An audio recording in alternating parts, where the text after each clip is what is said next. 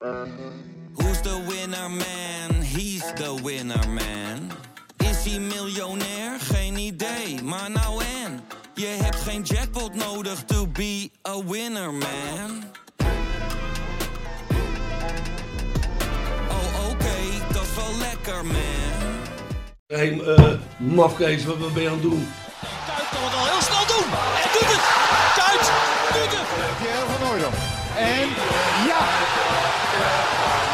Het is Pierre van Hooydonkavond. Het is de Pierre van Hooydonk Cup. Met elkaar communiceren, met elkaar praten, dat is toch een heel groot probleem hoor. Natuurlijk staat dit schitterende stadion bekend om zijn sfeer. Maar zoals vandaag heb ik het nog echt uh, zelden meegemaakt. Ik denk dat ik dat gezegd heb, maar dat heb ik niet gezegd.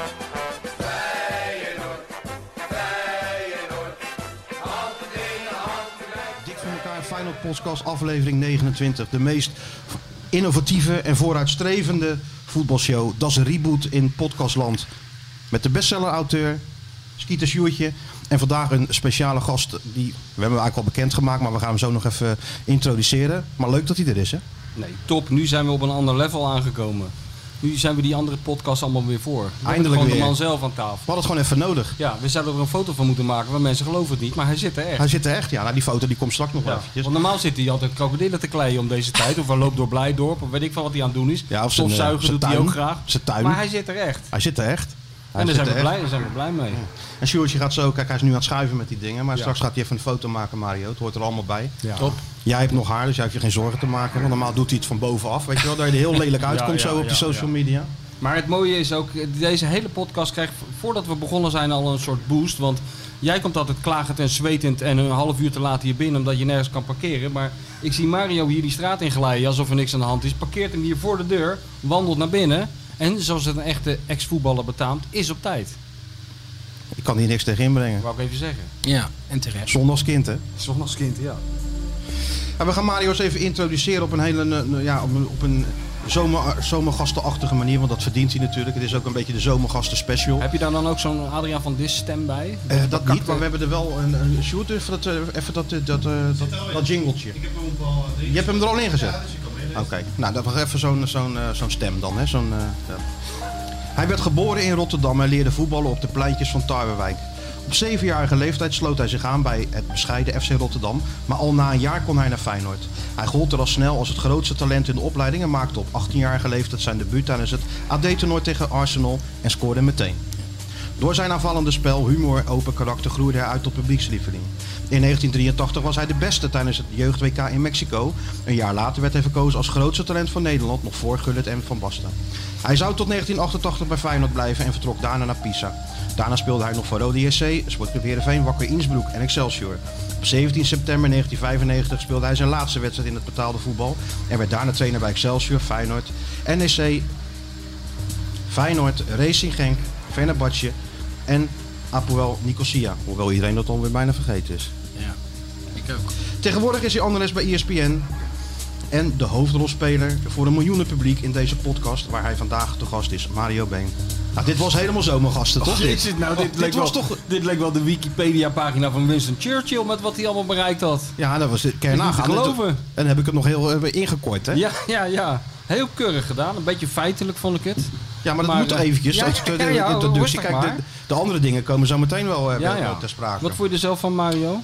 Nou, ik was zelf alweer een hoop vergeten. Dus ik ben blij dat hij dat weer even heeft eh, opgenoemd allemaal. Oh ja. Ja, Wat was ja het is... Al die successen. Nou, Hè? Je schiet er wel eens eentje. Oh. Ja. ik schiet gelijk vol als ik het hoorde net, ja. Dat is er toch wel best. Maar het had er vele malen slechter gekend. Dus Nou, Zeker weten. al met al prima. Zullen we even heel snel die actualiteit even afraffelen voordat we Mario gaan afpellen tot... eh, Nou, de actualiteit was eh, dat, eh, dat ik weer naar jou moest kijken. De hele... Nee, de actualiteit was eerst zondag, hè? Ja, ja, maar ik bedoel, voor mijn actualiteit is dat ik weer met slaapoogjes naar jou heb zitten koekeloeren vannacht in die vakjes. Eerst Perez. Ik had al een behoorlijke overdosis Perez gehad op zondag. Godzijdank zat Mario naast hem. En toen kregen we nog dat eh, gedoe in die vakjes. Maar ik zag jou, ik zat naar jou te kijken. Maar jij, jij viel een beetje weg, hè? Jij, toen het over, eh, ik weet niet, het ging over VVV, denk ik. Ik zag je Ja. een beetje wegdommelen. Nou, weet je, zo'n maandag ziet er als volgt uit. Of tenminste, het begint al op zondag. Dan ga je naar die wedstrijd en dan eh, die bekijk je dan. Dan rij je naar huis toe en dan eh, ja, moet je nog even vi- vier pagina's analyse maken over, eh, zo die topwedstrijd. Ja, die schot je zo uit je mouw. Dus, maar dat doe je dan en dan ben je klaar. En die, die, die, dat voetbalpraat begint dan 's middags, hè? Dus normaal heb je dan lekker, dan rij je op je gemakje erheen. En dan begint het om tien uur en dan ben je wel laat thuis. Maar ja, nu is het in één ruk door. Ja, en dan wil het wel eens zo zijn na een half uurtje, als het over VVV gaat of Fortuna. Dat heel langzaam een beetje die oogjes zo een beetje... eh, Ja. En dat je dan opschrikt eh, van een statement van Willem Visser. Dan denk ik, oh ja. Heb, jij dat nou, stu- heb jij dat stuk niet zitten typen tijdens de tweede helft van Feyenoord al? Nee, dat heb ik geconstateerd zitten kijken. Oh, toch wel. Hoop ik, in de hoop dat er nog een eh, klein uitvalletje eh, kwam. Maar Nee. Dat viel een hè? beetje tegen, hè? Tweede helft was stop. Ja, helaas. Maar wat vond je ervan, voor rust? Ik moet zeggen, buiten het eerste kwartier, toen heeft Feyenoord toch dankzij Marsman eh, de nul kunnen behouden. Maar daarna moet ik zeggen dat er maar één ploeg was die eh, eigenlijk eh, een ruimere voorsprong verdiende. En dat was Feyenoord. En ja, Linsen, met name die kans, vond ik Nou. de grootste kans. En we weten allemaal van Linsen hoe klein die is, maar dat hij geweldig kan koppen. Dus ja, die had ik eigenlijk wel geteld. En wat ik al zei, in, eh, in, in Rotterdam tijdens de, de wedstrijd Feyenoord-PSV was Feyenoord dodelijk efficiënt. En dat hebben ze helaas in deze wedstrijd laten afweten. En eh, ja, wat, wat dat betreft is de 1-1 denk ik wel, eh, wel terecht. Ja. Wat vond je van die tactische move van Dick? Nou, als ik keek naar het eerste kwartier was ik even bang dat ze helemaal overrompeld zouden worden. Op basis van, ja, dat moet je toch in, op dat systeem moet je toch ingespeeld zijn. En dat is niet altijd even makkelijk. Je moet communiceren met elkaar, je moet spelers overgeven. Maar na dat kwartier stond het goed. En eh, ja, de backs, wat normaal toch wel een wapen is van dit PSV, zij zijn wat mij betreft geëlimineerd door de backs van Feyenoord. Dus eh, ja, wat ik al zeg, het staat het eh, vizier iets meer op scherp dan... eh, dan kan Feyenoord die nodige punten, die, ze, die drie punten die ze nodig hadden, natuurlijk ja, mee naar huis nemen. Gek eigenlijk is dat, dat, dat ze eigenlijk die goal daarvoor nodig hadden. Hè? Toen leek het wel alsof... Kijk, als je dat systeem speelt, moet je natuurlijk wel initiatief durven nemen. Ja, Hè, in balbezit moet je het proberen in te schuiven inderdaad. Dan moet je als mi- middenvelder aanspeelbaar zijn. Als spits moet je dan moet je, je laten zien. Dat gebeurde toen in één keer. ja, dat kwam met name ook doordat die backs van PSV op een gegeven moment zo hoog stonden. Dat betekent elke keer als ze hun balverlies eh, hadden, ja, was Feyenoord gewoon levensgevaarlijk. En eh, ja, dat resulteerde gelijk in die goal van Berghuis, die natuurlijk weer ongelooflijk goed inschiet. Je hebt op dit moment de meest waardevolle speler van de Eredivisie. Ik kan niet vaak genoeg zeggen, omdat ik denk dat dat toch wel het paradepaardje is van, eh, van dit Feyenoord. En eh, ja, dat ze heel blij moeten zijn met hem. We gingen even over, op, op, op de tactiek in en ik zie langzaam zie ik hem, zie ik hem wegzakken. Oh, ja. Hij zit al aan de, hij zit al aan de vis. Anderhalf uur vol. Godzijdank heeft de Smit Zeevis eh, eh, hier iets gebracht. Nou, dan kunnen wij tot eh, ver na de competitie kunnen wij daar eh, mee overleven. Daar gaan we straks aandacht aan besteden, neem ik aan. Ja, even heel snel, want eh Sjoerd kreeg een berichtje. Want eh, iedereen meldt zich bij Sjoerd, hè? Alle, alle bedrijven en alle initiatieven. En Sjoerd zei, ja, er komt een lunch van uh, Smit. Dus ik dacht, nou ja, een paar haringen op een schaaltje zijn we natuurlijk wel hartstikke blij mee. Maar dit is een halve viswinkel wat hier, eh, wat, Ja, ja. wat hier staat. Ik geloof dat Smit dacht dat eh, de huismeester weer open was. Hè? Dat iedereen gelijk een visje mee kon. COVID is aan Smit voorbij gegaan. Ja, ja, ja. Moeten die mensen toch een keer inlichten? Nee, maar hartstikke leuk joh, dat we dit zo hebben Super. gekregen. En voor Top. jou een mooie afleiding om het even niet over voetbal te hebben. Hè? Ook dat, nou ja, die tactiek. eh, Ik bedoel, eh, ik heb dat allemaal zondag allemaal zitten bekijken en zo. Ja, ik vind het nooit zo... eh, Wat ik interessant vind, is het gedrag van Jurgensen. Ook op het moment dat Linsen die bal naast kopt, dan denk ik van hoe zal die jongen er nou bij zitten? Oh, maar niet dat er een camera op werd gericht of zo, dat niet. Ja, ook, dat vind ik ook wel En, ja, interessant. eh, maar wat voor indruk gaf hij?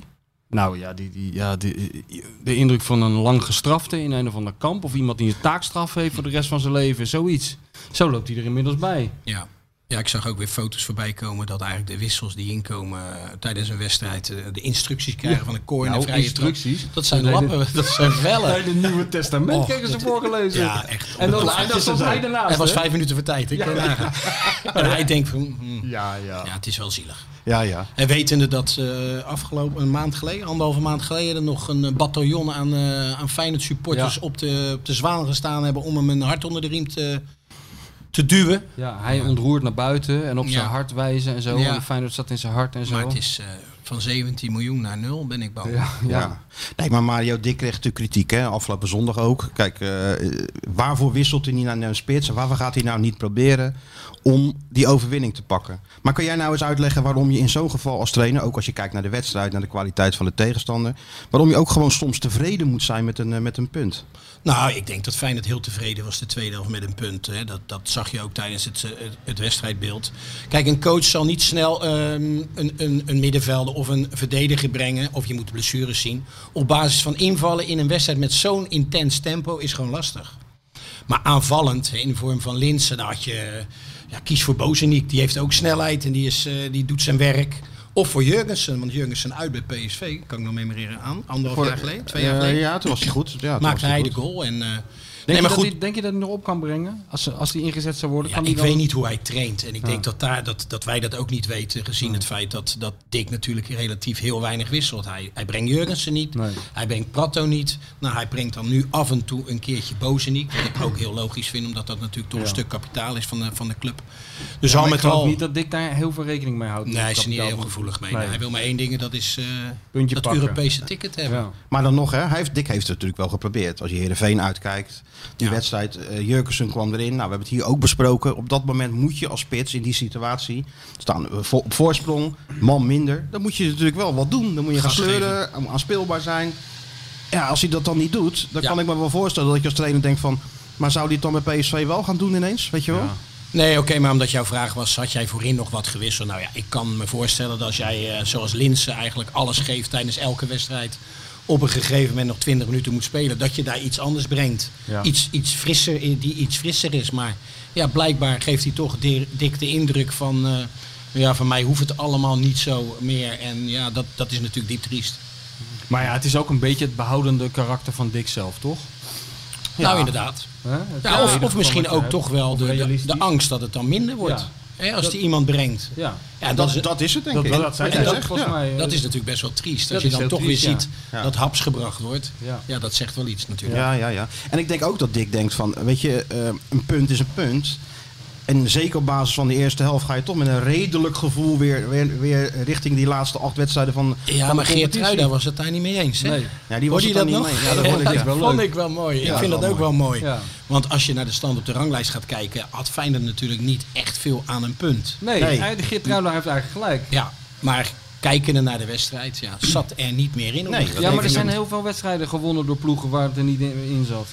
Nee, eens. Maar goed, de tweede helft heeft Feyenoord natuurlijk niet of nauwelijks iets gecreëerd. Wat, wat ze de eerste helft natuurlijk wel Ja, gedaan wel. hebben. Ja. Dus daar zat het eh, grote verschil. En dan kan je dat punt koesteren. En dat ziet er dan in de, in de kranten de dag daarna erg mooi uit. Maar, Maar je hebt kijk je naar de stand op de ranglijst, ja, zitten, staan we voorlopig gewoon op een play-off plaats. Zeker, maar het ligt er natuurlijk ook aan waar je je nu op richt. Ik kan me niet voorstellen, ik geloof nooit dat Feyenoord serieus rekening heeft gehouden met die tweede plek. nog. Nee. Kan ik me niet indenken. Dus waar ze voor gaan is gewoon plek drie. En nou, dat gat is nog te overzien. Ja. Dan moet je wel zelf eigenlijk al- alles winnen. En dan met een punt uit Eindhoven eh, houdt er toch een bepaald gevoel in zo'n groep. Weet je, wel? je hebt niet verloren.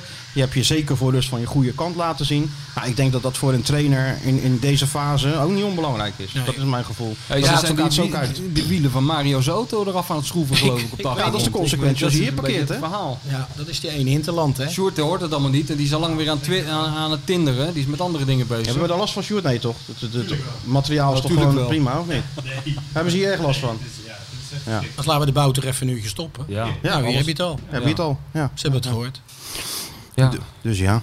Wat me opvalt aan jou, Mario, is dat als je... We zitten natuurlijk wel eens met elkaar bij, eh, bij, eh, bij wedstrijden. En als, als Feyenoord dan scoort, en dat- dan zie ik af en toe wel eens heel stiekem een heel klein vuistje. Zo, eh, zo onder... Ja, nou, ik, ik- dat, dat hoor ik wel vaak ook bij ESPN. Van dat ik nog regelmatig we zeg als, als ik het over Feyenoord heb. En dat, ja, daar moet je een beetje op letten. Maar dat zit nou eenmaal in. Maar als je vanaf je zesde Dat geeft bij, toch helemaal niks? als je vanaf je zesde bij zo'n nee, als je vanaf je zesde bij zo'n club loopt, ja, mag je toch wel enig chauvinisme hebben. En dat, dat heb ik ook. Zeker, en, ja. En daarbij natuurlijk dat Dick de trainer is, dat vind ik natuurlijk ook geweldig. Ja. Vind ik een fantastisch mens. En die gun ik in zijn laatste jaar, althans als het zijn laatste jaar is, natuurlijk toch nog dat succes dat hij door de voordeur naar buiten kan. Want dat is niet veel coaches gegeven natuurlijk bij Feyenoord. Dus. Nee. ja, ik ben eh, op en top Feyenoorder en dat, dat zit gewoon in je en dat gaat er eigenlijk nooit meer uit. Alleen ja, ik, ik moet als analist eh, nou eenmaal beoordelen wat ik zie. Ja, en dat is de laatste tijd natuurlijk niet goed geweest. En dan moet je met een ander eh, oordeel over de club komen als dat je eigenlijk zou willen als, eh, als analist. Maar goed, het is wat het is. En eh, ja, laten we hopen, laten we hopen, jij hebt het over die derde plaats, dat Ajax de beker wint. Waardoor er een extra plaats vrijkomt. En dan moet jij nog afzien te rekenen met AZ in Vitesse. Misschien moeten ze ook wel de Europa League winnen dan Ajax. Ja, dan is, dat zou helemaal mooi zijn. Dan komt er natuurlijk nog een extra plaats. Ja. Doe jij dit nou om onze Amsterdamse fans die met de week eh, in aantal toenemen een beetje te pleasen? Nou ja, we hebben het vorige week al over gehad. Is dat zo? Ja, dat nee, doet hij is wel handig erin hoor. Want Ja, hij, ja. Hij bouwt een enorme fanbase rond deze podcast. Dat is Nou, natuurlijk ook terecht. Ik maar- weet niet of ik dat doe. Ja, zijn het Amsterdamse Feyenoord supporters? Nee, het zijn, het zijn ook Ajax supporters. Oké. Die zijn dat ook wel eens een keer zat natuurlijk. Dat, eh, dat gevier van die successen de hele tijd. Die willen ook wel eens wat, wat gezeur horen. Dat En zo is dat vermoed ik. Ja, ze serieuze nooit. gepraat over, over, over dat Ajax en Ja. zo. Die willen ook gewoon eens een keer van eh, We kun- voelen hoe het is als het wel eens minder gaat. Ja, precies. Die luisteren met een cynisch oor. Ja, ik weet het niet. Mhm. ja, we, we, we zouden er eens een keer eentje moeten uitnodigen. Nee joh. Oh, sorry hoor. Neem niet kwalijk. Wou je, zo- wou je die kant op gaan een keer om, op te- Nou, om dat daarop te misschien- nemen? Nee, we blijven hier niet huismeester. Hè? Nee, we blijven de We huismeester. blijven de huismeester trouw. we blijven we trouw. Tuurlijk. Net zolang tot hij weer open is en dan blijven we het nog trouw. Zo blijven is hier gewoon zitten. Ja, we Ja, blijven hier zeker zitten, ja. Maar Mario, eh, jij was zeven toen je bij Feyenoord kwam, of acht? Eh, ja, zeven. Rond zeven, acht jaar. Ik speelde bij een, een, een straatclubje, FC Rotterdam. FC Rotterdam, hè? Ja, en dat was op de Schulpweg. En toen had je het, eh, toen de tijd dat die, die eh, toernooien, de bolle boffen toernooien, weet ik veel. En daar kwam eh oude Martens, niet Ja. Mout, maar zijn vader, Ja. ome Lou. En die kwam toen kijken en die, die vroeg of ik naar Feyenoord wilde. En ehm, ja, dat was natuurlijk een grote droom. Ik was natuurlijk inmiddels eh, naar Zuid verhuisd. Ik ben natuurlijk geboren vlakbij eh bij Spangen. Dus, maar na één jaar hebben mijn ouders me meegenomen naar Zuid. En daar, die wonen daar nog op de in de Bonaventurestraat. Ja, en was Feyenoord natuurlijk de meest voor, de hand liggende club. Dus die keuze heb ik toen eh, gemaakt. Toen moest je nog wel door een ballotagecommissie heen. Tegenwoordig kan iedereen En wie, dit. wie, wie zat daarin? Poeh. Ja, dat Blankenmeijer erin? Meneer Berenwoud, denk ik. En meneer Blankenmeijer, dat zou zomaar kunnen in die tijd. Hè. Dat Want dat hoor je wel van die... Jij bent nog van de tijd dat ze ook opletten of je haar niet te lang was en zo, hè? Ja, ja, en je mocht geen oorbelletjes in. Ja. En eh, je moest van goed gedrag zijn. Je ouders moesten meekomen. Je moest eerst nog wat proeftrainingen afleggen. Nou ja, als dat dan allemaal positief was, mocht je naar Feyenoord. En Ja. ja, ja daar heb ik eigenlijk heel mijn jeugdcarrière, of heel mijn jeugd door, doorlopen. En eh, ja, het eerste helft al gehaald. En dat was eigenlijk eh, toen de tijd niet aan velen gegund. Nee, zeker niet in die tijd, nee. Omdat Feyenoord natuurlijk toen ook al aan het aantrekken was van links en rechts. De Michel Valkens, de Ruudje Gullets, noem ze allemaal maar op. Ja. Dus eh, ja, dat was wel iets speciaals als je vanuit de jeugd door kon breken naar het eerste helft. Maar het was voor jou al Feyenoord voordat je er ging, ging, ging spelen in de jeugd? Ja, dat was ook een beetje strijd met mijn opa. Mijn opa was zogenaamd voor, eh, voor Sparta. En ik, eh, ja, ik woonde op Zuid en ik, eh, nou hemelsbreed twee, drie kilometer van de Kuip. Ja, dan lijkt er maar één club mogelijk en dat was, eh, dat was Feyenoord. En wa- was het, wa- wat was Feyenoord toen voor club? Kan je dat nou vergelijken? Wat voor gevoel gaf die club toen in Nou, vergelijking groot. met nu? Nou, Feyenoord was toen de tijd natuurlijk wel groot. Want ik praatte over eh, 1970, 1971. Toen hadden ze net de Europa Cup. Europa Ja. Cup gewonnen. Ja. Dus ja, de uitstraling van die club was eh, immens. En ja, wij had, ik, dat weet ik ook nog wel altijd. En dat was wel leuk. Toen speelde ik in de jeugd bij Feyenoord. Maar wij stonden op eh, camping Hoekske in Kaatsheuvel. Dus als ik ochtends gespeeld had, mijn wedstrijdje in de eetjes of zo. Dan gingen we naar huis, dan pakten we de wagen en gingen we richting de camping. Dan reden we toch weer langs Varkenoord en links de Kuip. En toen zei ik tegen mijn ouders altijd... Pa, ma, dit stadion ga ik nog een keer vol spelen. En dan zei mijn vader altijd, joh, ga lekker slapen. We zijn dadelijk op de camping en dan kan je dadelijk weer lekker buiten spelen, weet je wel? Ja, doe even rustig. Die, ja, die dacht, die gaat wel heel snel Ja. met, eh, met die stappen. Maar ja, het is, eh, nou, nu wil ik niet zeggen dat, ze, dat het volgekomen is door mij, maar het Nou. heeft wel vaak vol gezeten. Zeker, ja. Ja, we hebben het- wij vragen het, hij heeft het ook vaak gedaan aan, eh, ik heb het aan Van Hanegem gevraagd. En aan veel meer ek- eh, Feyenoorders om het gevoel wat die club nou geeft te kunnen omschrijven. En dat is toch iets, iets wat, wat eigenlijk maar heel weinig mensen echt, echt lukt, hè? Ja, ja, nou kijk, als je echt een Rotterdammer bent, hè, dat is tegenwoordig ook niet een utopie. Bij het eerste van Feyenoord zitten niet al te veel echte Rotterdammers meer in, toen de tijd wel. Ja, dan, dan had je dat gevoel, hè, dat rood-witte gevoel, dat stroomde door je aderen. En dat, dat klinkt vaak gek en dat is misschien heel eh, emotioneel als je het erover hebt. Maar ja, die club, daar ben je mee grootgebracht. Ja. En eh, op school, het ging maar over één ding. En dat was Feyenoord. Hè? Ja. Dus ja, nee, voor mij was het eh, vrij simpel. Maar ik begrijp wat, wat Willem zegt en wat Wijnstekers zeggen en Troost zeggen. Ja, die club heeft iets. Ja, als je daar eenmaal bij zit, dan, eh, ja, dan kom je daar nooit meer vanaf. Maar het heeft ook iets, eh, ik vind altijd opvallend dat Feyenoord is aan de ene kant die grote club, eh, de, de Europa Cup winnaar, de wereldbekerwinnaar, de, de club die, die het Europa Cup voetbal in Nederland groot heeft gemaakt, et cetera. De club waar, waar mensen uit, hele, uit heel Nederland naartoe trekken. Maar het is ook een kleine club voor een stel ingewijden. Daar ben jij een van. Voor jou is Feyenoord ook Aad van der Laan, Ja. eh Oma. Martens. Oma. Ja, oma Ja, ja. Aad. Ja. Weet je, het hele kleine heeft het ook. een klein groepje vaste mensen. Sjaak Troost, zijn hele leven bij die club. Benny Wijnstekers, jij komt ook altijd weer terug. Al geven ze je een schop onder je kont. Vroeg of laat kom je weer terug. Ja, het is soms in, incestueus gebeuren is het soms. eh, ja, maar het heeft ook wel iets moois. ik vind het wel. geweldig, Ja. omdat je nou eenmaal mensen bij die club houdt. Je moet natuurlijk wel een bepaalde waarde hebben. Maar aan de andere kant, ik vind dat mooi als een club bepaalde personen, eh, die dan ook een toegevoegde waarde zijn, wat ik net al zeg, ja, bij zo'n club houden. En ja, ik kom dan nu niet, niet regelmatig meer op Varkenoord. En, en, dus ja, je hebt, je hebt andere dingen weer te doen, maar... Ja, er zijn inmiddels ook alweer wat mensen weg. Dus ik kan me voorstellen dat het nu alweer een totaal ander... Maar ook bijvoorbeeld de mensen die altijd in de kantine werkten. Hè? Mevrouw Le Nobele bijvoorbeeld, Ja. die werkte daar achter, achter bij de Ja. patat stond ze altijd. Maar dat zijn mensen die het karakter van de club bepalen, hè? Toch, een mentaliteit Ja. bepalen op een of andere manier. Nou, zeker, zeker. Maar wat ik al zeg, het moet natuurlijk eh, wel een toegevoegde waarde blijven. En dat is misschien het probleem op dit moment bij Feyenoord. Ze, ze willen wat dingen gaan veranderen, het moet wat innovatiever en dat soort zaken. En dan moet je wel eens heilige huisjes omver trappen. ja. ja, maar ook niet allemaal, vind ik. Nee, nee, tuurlijk niet. Nee, ik weet hoor, eh, de, de Ja. Fred Blankenmeis van deze wereld, ome Herman de Graaf, om niet te vergeten. Dat waren natuurlijk eh, mensen die, eh, die bij zo'n club hoorden. En dat zie je ook nog steeds bij Ajax in, eh, Ja. bij de toekomst. Daar zitten Ja. ook nog steeds mensen die er al zaten. Als ik mijn jeugdwedstrijdjes daar Ja. speelde. Dus al met al, ja, ik, ik, dat hoort bij eh, zo'n club. Ja, maar dat wordt straks de grote clash natuurlijk. Als de, de mensen van dat hele ingewikkelde bureau... Dat, die Sportsology. Sportsology. Ja. Kijk, die hebben daar geen boodschap aan. Nee. Aan dat soort eh, sentimenten die jij wel voelt. eh, en, en ik ook. En heel veel mensen denk ik. Maar die hebben iets. Die gaan gewoon heel naar de Ja, maar dat is misschien ook wel de reden dat ze dat bureau hebben ingehuurd. Ja, ja, natuurlijk. hoeven ze het zelf niet te doen. ze het zelf niet te doen. Nee. Ja.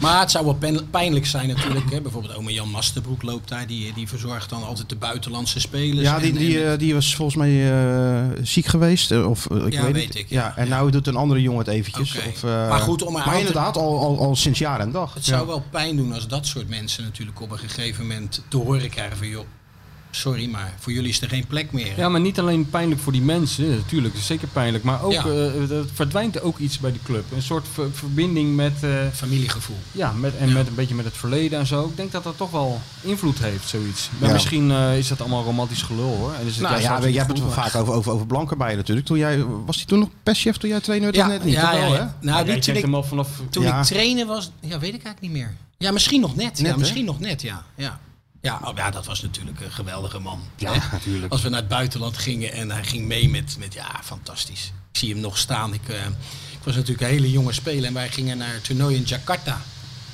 Dus ik eh, al bij de hand had een grote mond. En die spelers op een gegeven moment die hadden mijn zwembroek uitgetrokken. En dat, dat was in een eh, hotel, Mandarin Hotel. Ik vergeet het nooit. Oh, ik denk op de 24e verdieping. En omdat ik ze bij de handen had, hadden ze mijn, mijn zwembroek van mijn reet getrokken. En die hadden ze zo, zo naar beneden gegooid vanaf het hotel helemaal. Dus ik stond daar alle handdoeken mee. Dus toen moest ik naar eh, etage 12 toe, bij wijze van spreken. Door, in de lift. We hebben, nou, dus toen kwam mijn Fred kwam ik tegen. Hij zegt, zo jongen. Hij zegt, en denk jij zo de, de naam van Feyenoord hoog te houden? Maar hij wist natuurlijk al wat er gebeurd was. En dat zei hij altijd met zo'n droog gezicht. Dat ik altijd zo moest lachen. Ja, Ja. fantastisch mens. Ja, want jij kent hem al vanaf heel jong, vanaf je begintijd neem ik aan. Het liep altijd op Ja, Varkenoord rond. ja. Nou, en ome Gerard Meijer natuurlijk Ja. nog steeds. Ja. Een, een goede vriend van mij gaat Ja. nog steeds mee naar Spanje altijd, elk jaar. En eh, ja, die gaat ook natuurlijk met zijn gezondheid enorm achteruit. Maar als je het nou over mensen hebt die... Wat wel dan weer mooi is, dat ze een, een, een zaal naar zich genoemd krijgen. Ome Gerard heeft zelfs een, een- stand, een tribune eh, naar zich Ja, genoemd. Blankenmeijer heeft die perszaal, hè? Ja. Er staat nog ergens een heel klein eh, portretje ergens op, eh, staat, hangt er van Ik denk hem, dat er eh, in de hele wereld geen club is waar een tribune naar een verzorger is vernoemd. Nee. Ik Nee. denk niet dat dat, Nee. dat het bestaat. Nee, Maar ze dat- hebben al eens gezegd eh, dat er een- geen club is waar de verzorger populairder is dan de Ja. spits. Ja, maar dat zegt meer over de spits hoor, tegenwoordig. Eh, Ja, tegenwoordig ja, maar ja. ook genoeg over, over de verzorger. Tuurlijk, Die nee, natuurlijk daar eh, menig eh, groot speler op zijn tafel heeft gehad. Ja, maar het is ook, het, is ook eh, het gevoel voor... Het is ook een soort gevoel voor humor van het publiek gewoon. Wat je Tuurlijk. bij andere clubs niet ziet. Ja. Eh, daarom gaan ze Gian aanmoedigen. Ja. eh, terwijl die alleen maar op de bank zit. Ja. Daarom is Kieprits... vond iedereen het leuk dat Kieprits van die spijkerbroeken ging, eh, op de markt ging brengen. Die je gewoon niet eens over je dijbenen kreeg. Zo slecht waren die. Als je die al over je dijbenen kreeg, dan, waren ze gelijk Ja, maar die wilden ze in Oost-Europa niet eens hebben. Nee, nee, nee. Maar het Feyenoord publiek eh, die heeft daar wel een hele goede neus voor, moet ik zeggen. Klopt. Dat soort... eh, Ome Gerrit met zijn fluitje en zijn ja, handdoekje. ja, zijn handdoekje. ja. En hij was natuurlijk altijd nog vrij rap. Ja, vroeger deden ze altijd een brommer na. ja. Ja, het hele stadion. Ja, de een vraag wedstrijdje met de verzorger van de tegenpartij. Ja, dat wilde hij altijd eerder Ja, zijn. ja, ja. Ja. Maar de vraag is natuurlijk, moet je nou, wat jij net eigenlijk ook al zegt, moet je dat als club nou, moet je daar nou een keer vanaf? Of moet je het toch, het is natuurlijk wel heel lastig. Ik denk dat het op bepaalde posities zal je misschien moeten vernieuwen. Hè, dat- dat het ook eh, waardevol is voor je club. Maar wat jij zelf aan aangeeft, het sociale aspect van een club als Feyenoord... vind ik ook wel hoog in het vaandel staan. Dus ja, wie weet zijn daar dan weer andere functies voor te vinden. Of... Ja, het is, het is wel moeilijk als je de boodschap moet gaan brengen naar mensen... die natuurlijk Tuurlijk. al zo lang zo'n functie hebben. Maar goed, Ze hebben het bij Fred Blankmeijer natuurlijk ook nog geprobeerd. Hè?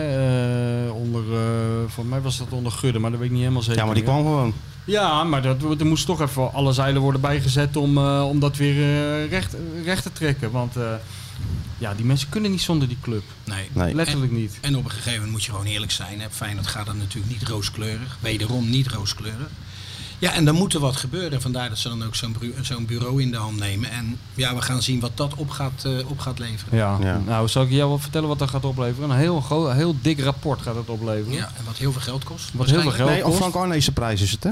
Ja, Frank Arnees. Dus dat is korting. Ja, korting. Dat kan je goedkoper. Ja, hij kreeg het goedkoper, want ik sprak hem naar, naar Groningen, voor Groningen die wedstrijd. Toen zei hij ook, toen vroegen wij natuurlijk ook van, ja maar luister Frank, dit is al geen geld. En eh, zo'n zo'n zo'n groep die normaal gesproken de Los Angeles Clippers helemaal doorlicht en dat soort eh, Ja. teams, eh, wat- wat- kan Feyenoord toch helemaal niet betalen. Toen zei hij, nee maar ik ken die Mike Ford, dus hij doet het voor een, eh, voor een eh, schappelijke prijs. En hij vindt het ook leuk om, eh, om Feyenoord Ja, ja, Dat ik vind het leuk. Ja, nee, ja, ja. daar staan die Amerikaanse echt, eh, bedrijven echt bekend om. Dat ze alleen maar doen, dingen doen die ze leuk vinden ja, maar voor een vriendenprijs. Voor een Dat- vriendenprijs. dat is nou, in dit geval dan wel, want hij kent hem vanuit, eh, vanuit eh, Chelsea Maar hoe professioneler moet het nog worden als er eh, twee, twee spelers vijf minuten voordat, voordat de wedstrijd is afgelopen zitten te kijken naar een multimap. Die is groter dan alle multimappen die wij ooit op school Ja, en hebben er stond ook doorgenomen. geen coach bij. Normaal staat daar dan een trainer bij. En Ja. die legt uit wat er staat. Want ik kan me voorstellen, ik, ik zag dat ding, dat, die flap, met waar al die vrije dat trappen en corners op staan. Ja, dat, dat moet je heel snel oppakken. En misschien nog vijf minuten te gaan. Ja, het, het gaat ook wel ver. Maar Ik dacht dat het het vluchtplan was als het stadion in de fik zou staan waar je dan eh, wel waar de uitgang was. Want- Ik dacht dat het het boek eh, voor de medicijnenstudenten was. Wat er allemaal met al Hey, die maar pijlen even, en al even die terug te dingen. komen op Ja. dat, eh, die professionalisering. Ja, ja. Ehm, komt dat nou vanuit, vanuit Arnezen? Of komt dat vanuit iemand die eventueel dadelijk misschien die club wil over gaan nemen? Nou, dit komt vanuit Arnezen. Dit komt in ieder geval. En ik denk wel dat het misschien helpt als, als je eventueel een club zou willen overnemen. Maar spraken Arnezen van de zomer tijdens het trainingskamp in, eh, in Duitsland. Of Oostenrijk, zaten allebei. Dus, eh, dus ze zaten precies op de grens, volgens mij. Dus, en toen vertelde hij dat hij, eh, dat, dat, ja, dat hij wel plannen had met die opleiding. Omdat hij ook wel zag dat eh, de laatste jaren stokte aan was natuurlijk een beetje. En dan kun je natuurlijk wel zeggen van het is, al- gaat altijd in golfbewegingen. En de ene keer, toen jij trainer werd, kwamen de, kwamen de jongetjes ja, dan wist je natuurlijk ook niet van tevoren of, of het toppers zou worden. Ja, liet ze spelen en uiteindelijk zie je dat, dat de Ja, ontwikkeling zeg- in gang zet. Ik zeg dit met name omdat ik nog steeds de keuze van Slot eh, enorm eh, ja, vreemd is een groot woord. Want iedereen, Van hem, bedoel Ja, je? van hem. Want iedereen wil natuurlijk eh, trainer van Feyenoord worden. Want het is natuurlijk eh, qua uitstraling gewoon een, een geweldige club. Maar hij zat bij een club met zoveel talent. Financieel een club met heel veel mogelijkheden. En hij maakt toch de stap naar Feyenoord. En daarbij dacht ik toen, nou, misschien is hem iets enorms beloofd. Misschien wel een overname. Waardoor hij kan kopen, doen en gaan. Nee, volgens mij is hem niks beloofd. niks beloofd. Maar jij zat bij NEC, waar het geweldig ging. Ja. Daar hebben ze een klein standbeeldje voor je gemaakt daar bij het stadion. Ja. Jij liet je ook verleiden. Terwijl de situatie toen natuurlijk ook niet heel, heel mij- rooskleurig was. Ja, maar kijk, voor mij was, ik ga het niet zeggen de cirkel was rond, maar Dus ik, ik heb er wel gevoel mee. nou, dat was wel het gevoel. Want ik was natuurlijk speler. Nou, toen heb, ik- ben ik mijn- mijn trainersdiploma's gehaald. Ik ben begonnen bij Excelsior. En toen werden we kampioen dat eerste jaar. Eigenlijk tegen alle verwachtingen in. Omdat we outsider waren. Maar toen vroeg ik al aan Feyenoord, ben ik nu goed genoeg om coach van Feyenoord te worden? Nee, nee, we weten niet of je al serieus ge- genoeg bent. Nou, toen heb ik natuurlijk mijn banden met Feyenoord verbroken. Ik heb die omweg naar NEC gemaakt.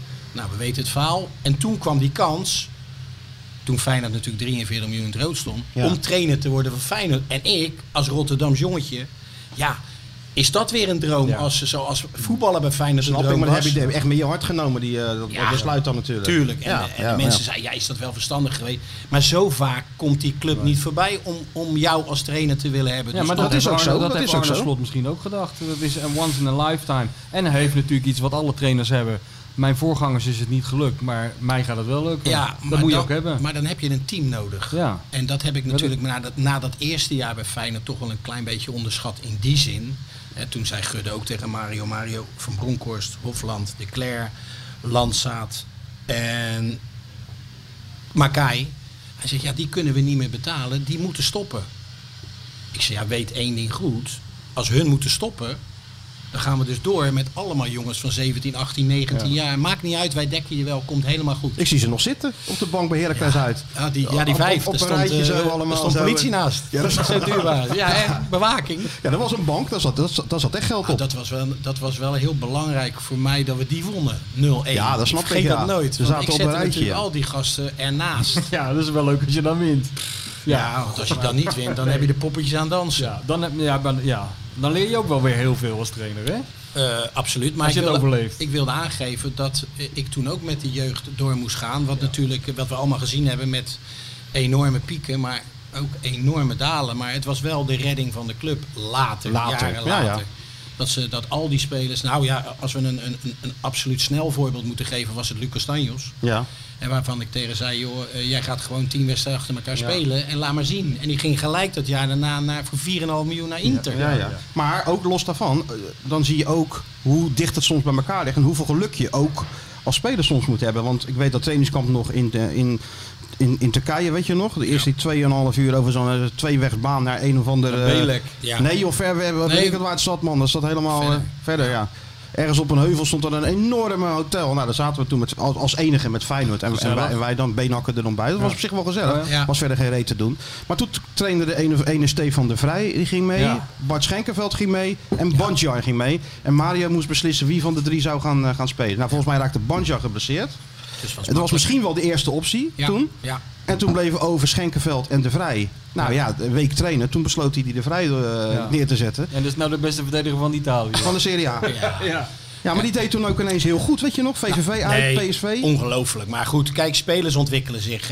Ik zit hier niet om nou te zeggen, ja, die zijn door mij allemaal doorgebroken. Want spelers doen dat allemaal zelf. Maar toen de tijd moest er wel inventief zijn. Ja. Ja. Er was geen geld.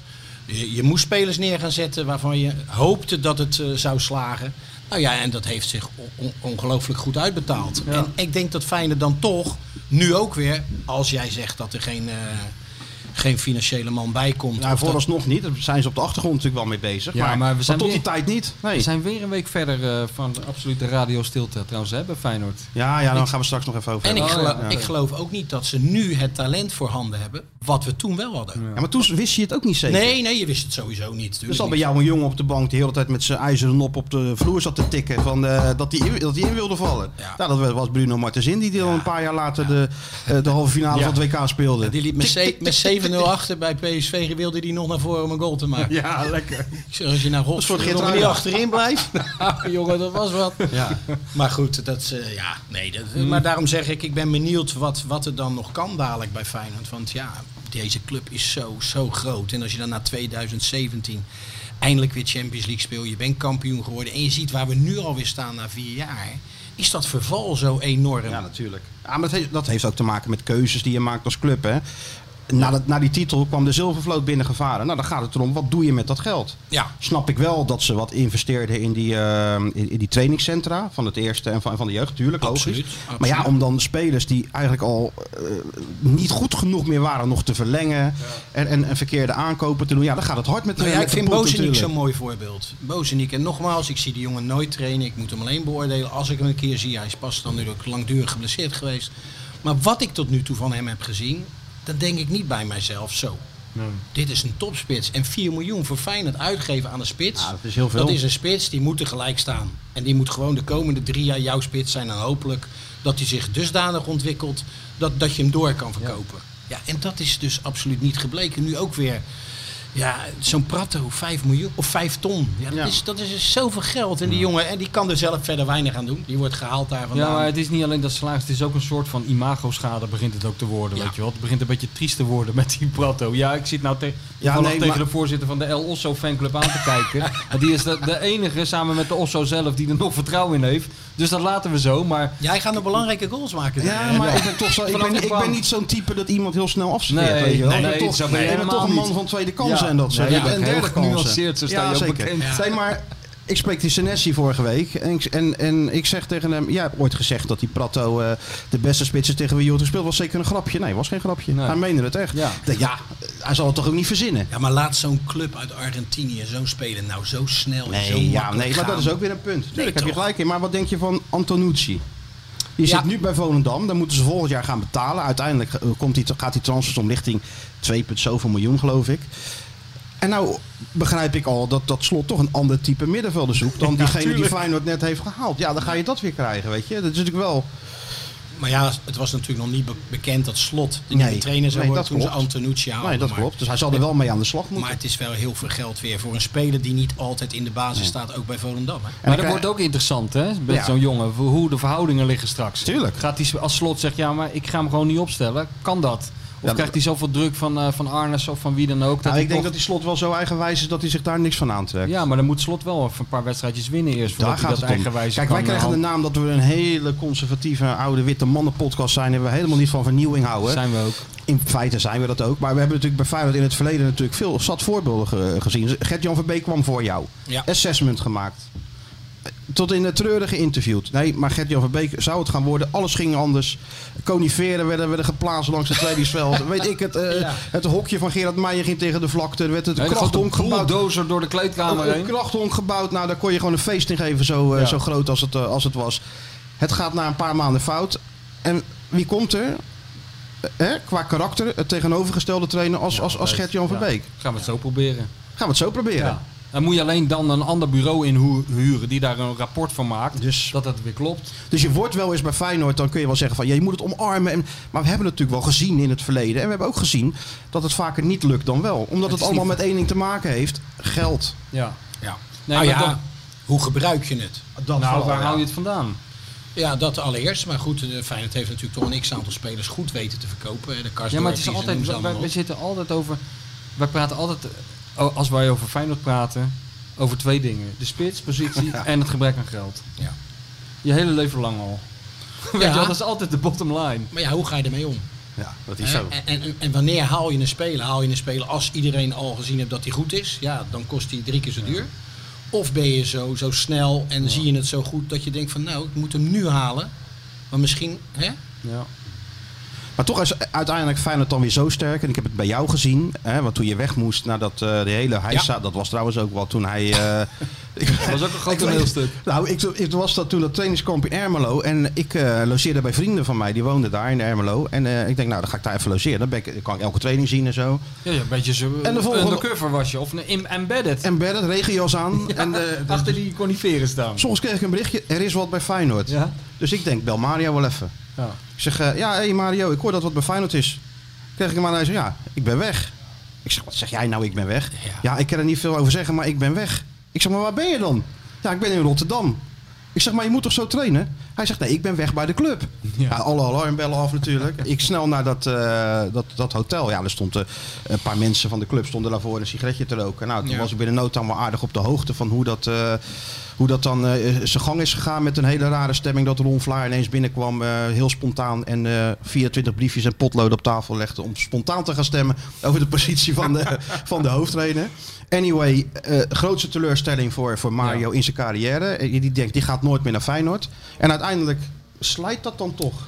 Ja, tijd heelt alle wonden, zeggen we maar. Ah, maar toch? daarom, daarom, vond ik het, kijk, daarom hoop ik dat Dix ehm, af kan sluiten met, door de voordeur. Ja. En, en dat is wel eh, het pijnlijke geweest. En nogmaals, joh, eh, een coach, you are hired to be fired. En, en dat weet je. En, en het resultaat tiende worden met Feyenoord is ver beneden pijl. En dan kan je er allerlei dingen bij halen. Maar dat is gewoon niet goed. Maar het is ook de manier waarop het gaat. Nee, eens. Eh, Dus dat was niet chic. Nee. Kijk, dat hun mij ontsloegen, oké. Ik weet nog steeds niet de, de werkelijke reden. Dat is altijd mijn gissen geweest. Maar aan de andere kant, oké, ik, ik heb niet goed gepresteerd. Het eerste jaar was oké, vierde, bekerfinale. Tweede jaar was Dat die ook in twee keer werd gespeeld. niet dat was ook fijn. zo- Ja, dat was, ook niet zo'n goed idee ook? Abu Talib vind ik een geweldige burgemeester, maar dat heeft hij toen niet goed gedaan. Ja, maar dat heeft Feyenoord niet goed gedaan. Als Schudde had gewoon had gezegd van...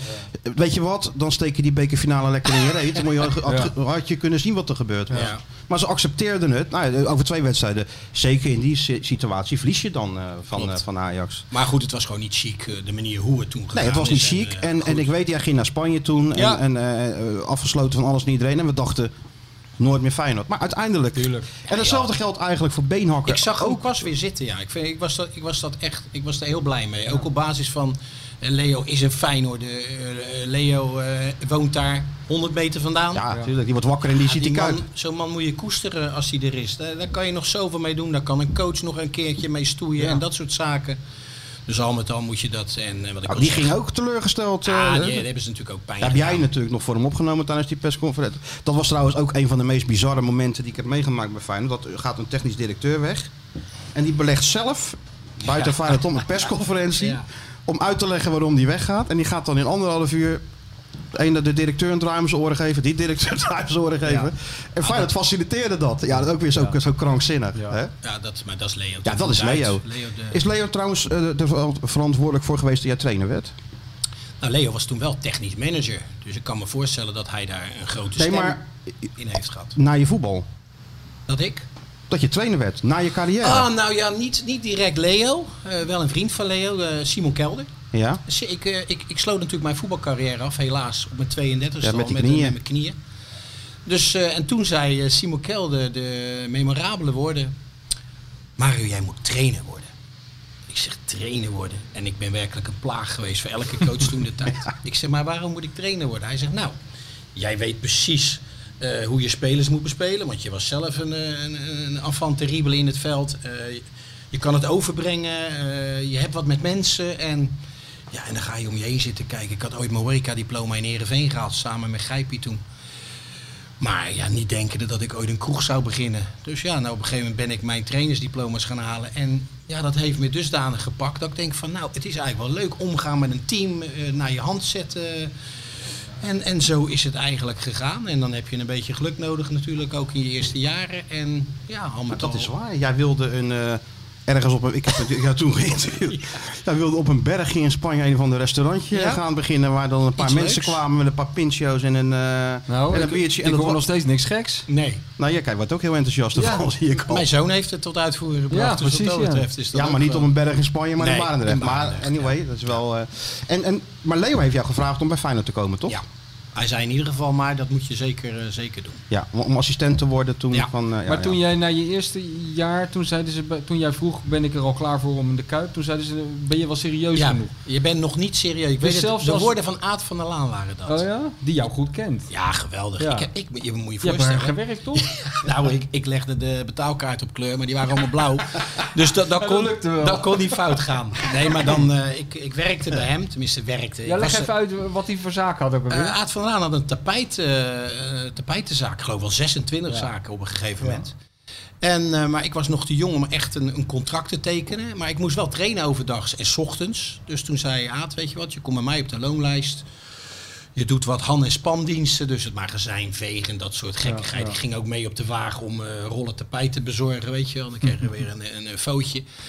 Maar puntje bij paaltje, ja, heeft hij ervoor gezorgd eigenlijk dat ik bij hem werkte en ja, wat geld kreeg. En zodoende kon ik overdag trainen. En dat was natuurlijk een, eh, een geweldig iets. Ook maar om weer aan te geven hoe Aad van der Laan was. En nog steeds, en nog steeds Het is ook zo'n oer, oer, oer Feyenoorder, hè? Ja, ongelooflijk. En die verbindt ook nog die club van nu met, met het verleden. Met, Met die heeft nog met. Ja, met, Bas Pauwen heeft hij geloof ik Ja, nog eh, tuurlijk. getraind en zo. Dus dat, dat, dat- Ja, en door hem kwam ook Beenhakker weer in de Kuip. Omdat Ja. hij volgens mij zijn verjaardag vierde, dacht ik. Ja, klopt. Dus dan, uiteindelijk is dat, trekt dat dan toch sterker dan Ja. al die ellende die je dan toch meemaakt bij, eh, bij, bij zo'n club. Hè? Aad van der Laan, hij heeft mij wel eens verteld eh, over zijn eh, jeugd. eh, of in het begin geloof ik dat hij als hulpje mee moest ook met, met tapijten brengen en zo. Dat hij bij een vrouw kwam.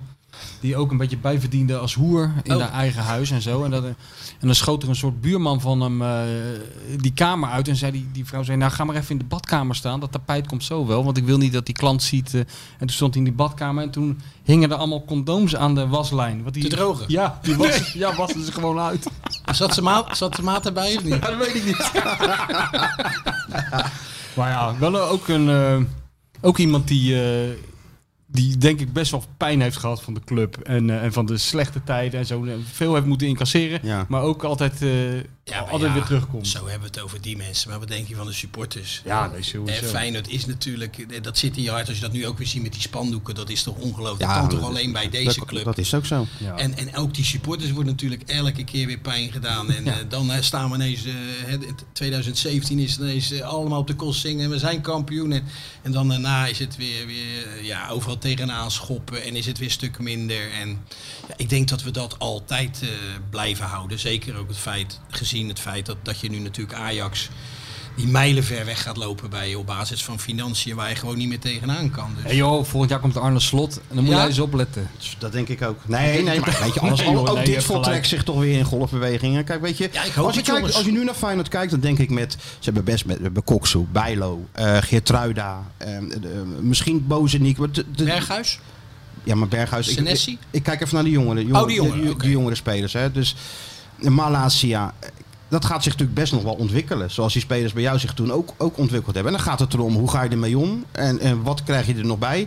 En Ajax gaat natuurlijk ook een keer afscheid nemen van Ten Hag... die een deurtje verder gaat kijken. Tadic, Blind, weet je, dat soort spelers. Hebben ze wel heel veel geld om het te vervangen. Maar we hebben ook vaak genoeg gezien dat het dan... Ook even wat minder kan. Ja, en, dan, en dan moet je zorgen dat je, dat je aanpikt. Dus, Ajax heeft natuurlijk ook een berg mispikkers gehad. Dus Ja, wat natuurlijk. dat betreft moeten we niet alles eh hè, eh, Nee, we zijn, er, prijzen. we zijn er om de stemmingen erin te houden. Dat, eh, Wij zijn er om de stemming erin te, Ja. om te worden. We worden weliswaar niet zo gezien altijd. Maar we zijn er wel om, die, om dat goede gevoel. eh, Tuurlijk. dat goede gevoel Maar ja, als. Feyenoord dus wil groeien, zullen ze ook moeten verkopen. Nou, en als je gaat kijken wat Feyenoord nu dan te verkopen heeft, eh, dan heb je Berghuis, wat in mijn optiek de... 4 miljoen nog maar waard, hè? Ja, dat is natuurlijk een lachetje. Daar, daar haal jij niet een speler voor terug met hetzelfde rendement als hij. Nee, dus, dus gaat Slot er alles aan proberen te doen Om hem te behouden. Om te behouden. Ja, Ja. dan gaat hij maar gratis de deur uit. Maar inderdaad, wat ja, je zegt, deze jongen vindt wil die prijzen kwaliteit winnen. maar terug. Maar deze jongen wil prijzen winnen. En, en, en dus zou je hem een dusdanig eh, plan moeten voorschotelen. Van dat dat ook kan. Ja. Dus ja, Ja, ik maar denk- deze jongen wil ook allerlei videobeelden terug bekijken en zo. Dus innovatief werken, wat? Je hebt toch wel die multimap? Kan De multimap is de eerste stap. De, multi- de multimap is de eerste stap.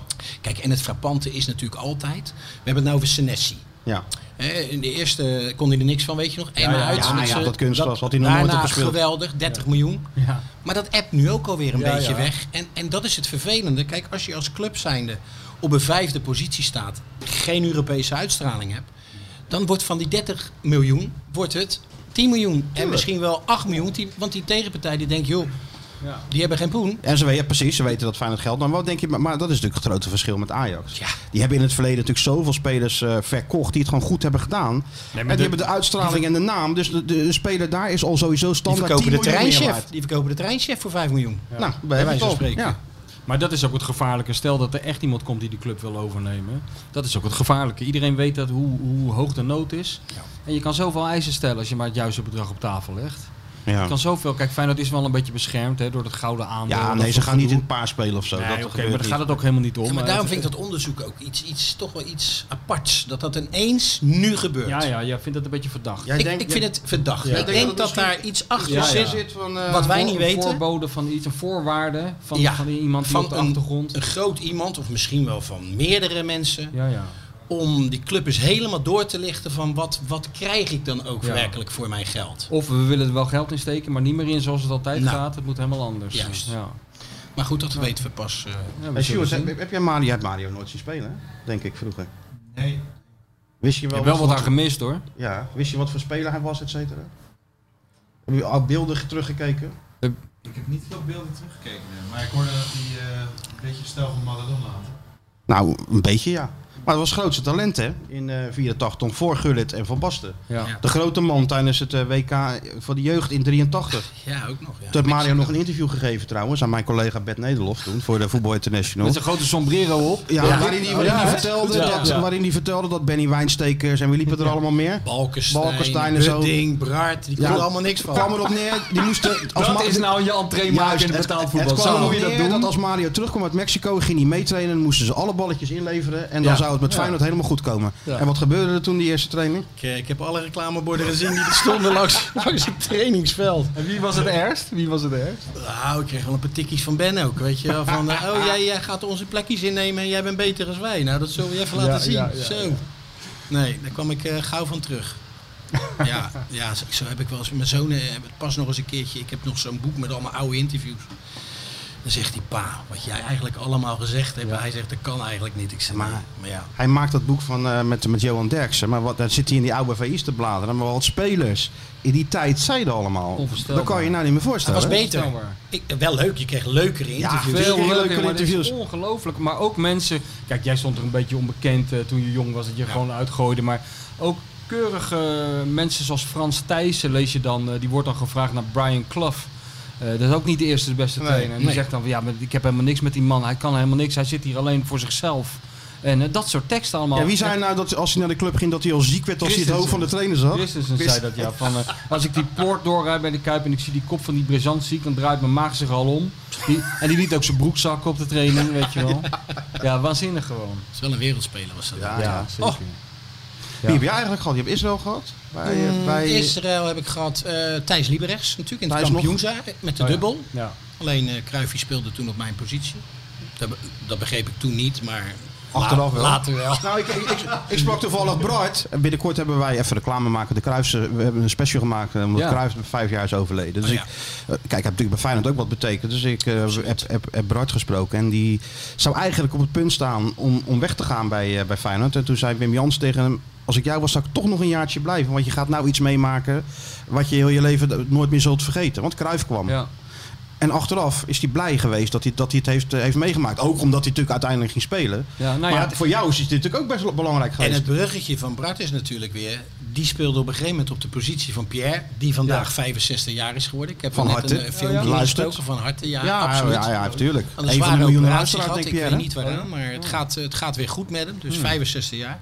Maar Bart ging gewoon op zijn positie spelen. Ja, het linkerbeen van Cruijff. moest eh, gaan werken. Ja, hij moest, eh, het werd helemaal neergezet. Ja. Terwijl die Pierre natuurlijk een geweldige speler was, technisch. Ach, waanzinnig, Ja, man. natuurlijk. Daar ging, je, genoot. daar ging je naar kijken. Die ging je voorbij en dan wachtte die. Dan ging je weer terug en dan ging die weer Ja, voorbij. Ja, ja. Er komt een boek over hem geloof ik uit, hè? Was Echt zo? ergens? Ah, Ja, een- over Hij was een Pierre. goede speler, maar- Ja, goede speler.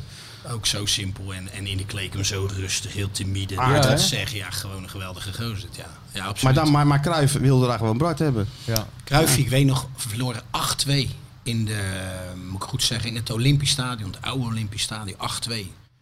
Dus wij helemaal, ik had niet meegedaan, ik zat op de bank, vond ik niet zo erg achteraf. Maar toen zaten we in die bus en we zaten helemaal timide en we hoofden onder de, onder de ramen, dat we zo snel mogelijk weg. kwam Cruijff binnen, jongens, ga eens rechtop zitten, kom op, maakt allemaal niet uit. Hij zegt, ze hebben een wedstrijdje gewonnen. Nou en, wij worden kampioen en ik ga je vertellen, we gaan nog de beker winnen ook. Ja. En zo sprak hij en zo allemaal. Ja.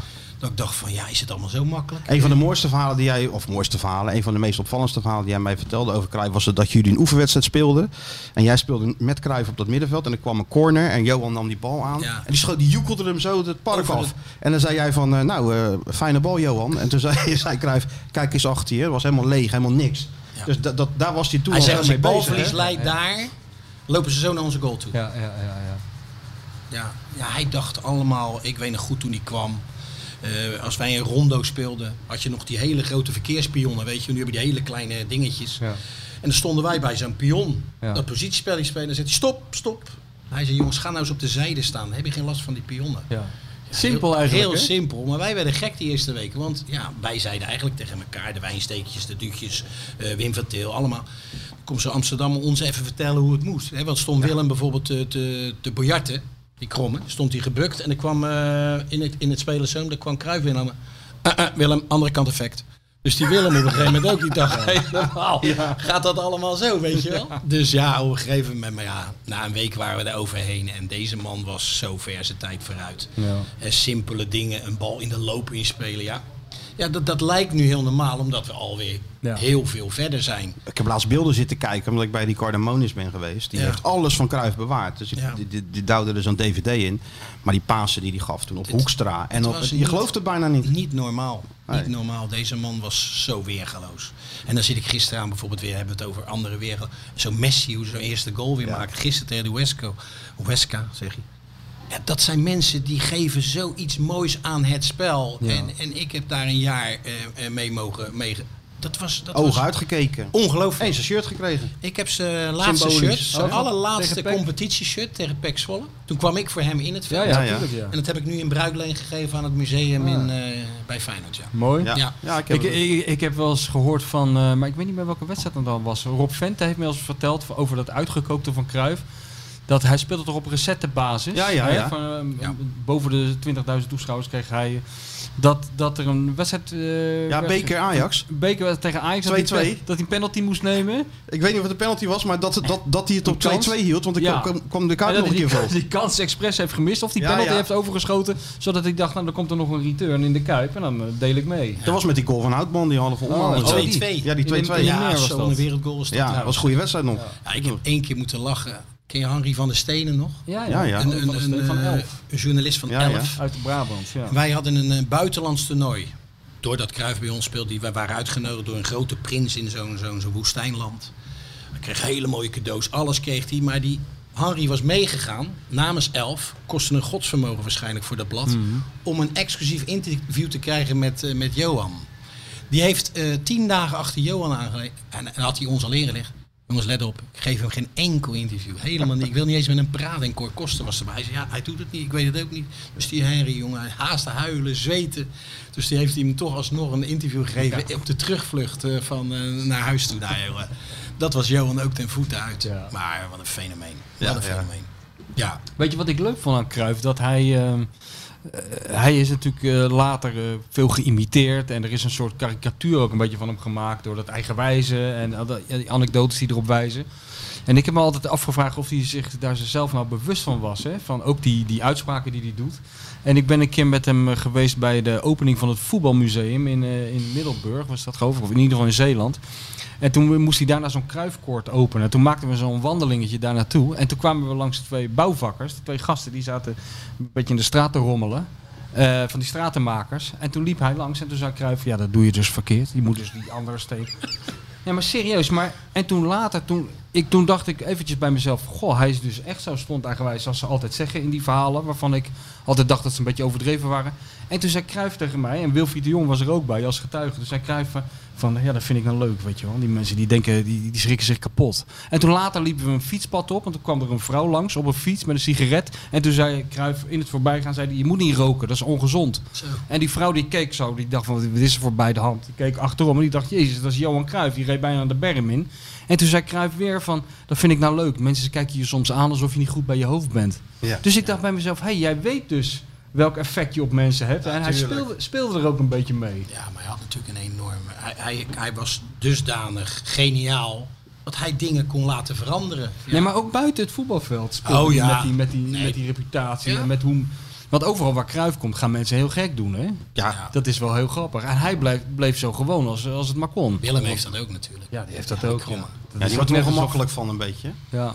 En, eh, Ah, maar dat is ook, fenomenaal hè, met, met Willem. Ik ben een keer met hem naar, eh, was voor een of ander toernooi met Or- Oranje. Had je weer zo'n eh, zo'n straat die versierd werd. Die, die was dan eh, uitgeroepen tot de meest oranje straat van Nederland. En Willem van Hanegem die zou dan eh, een prijs komen brengen of zo. Ik daar ook heen, natuurlijk voor VI. Dus ik sta daar in die straat en Willem komt aanrijden.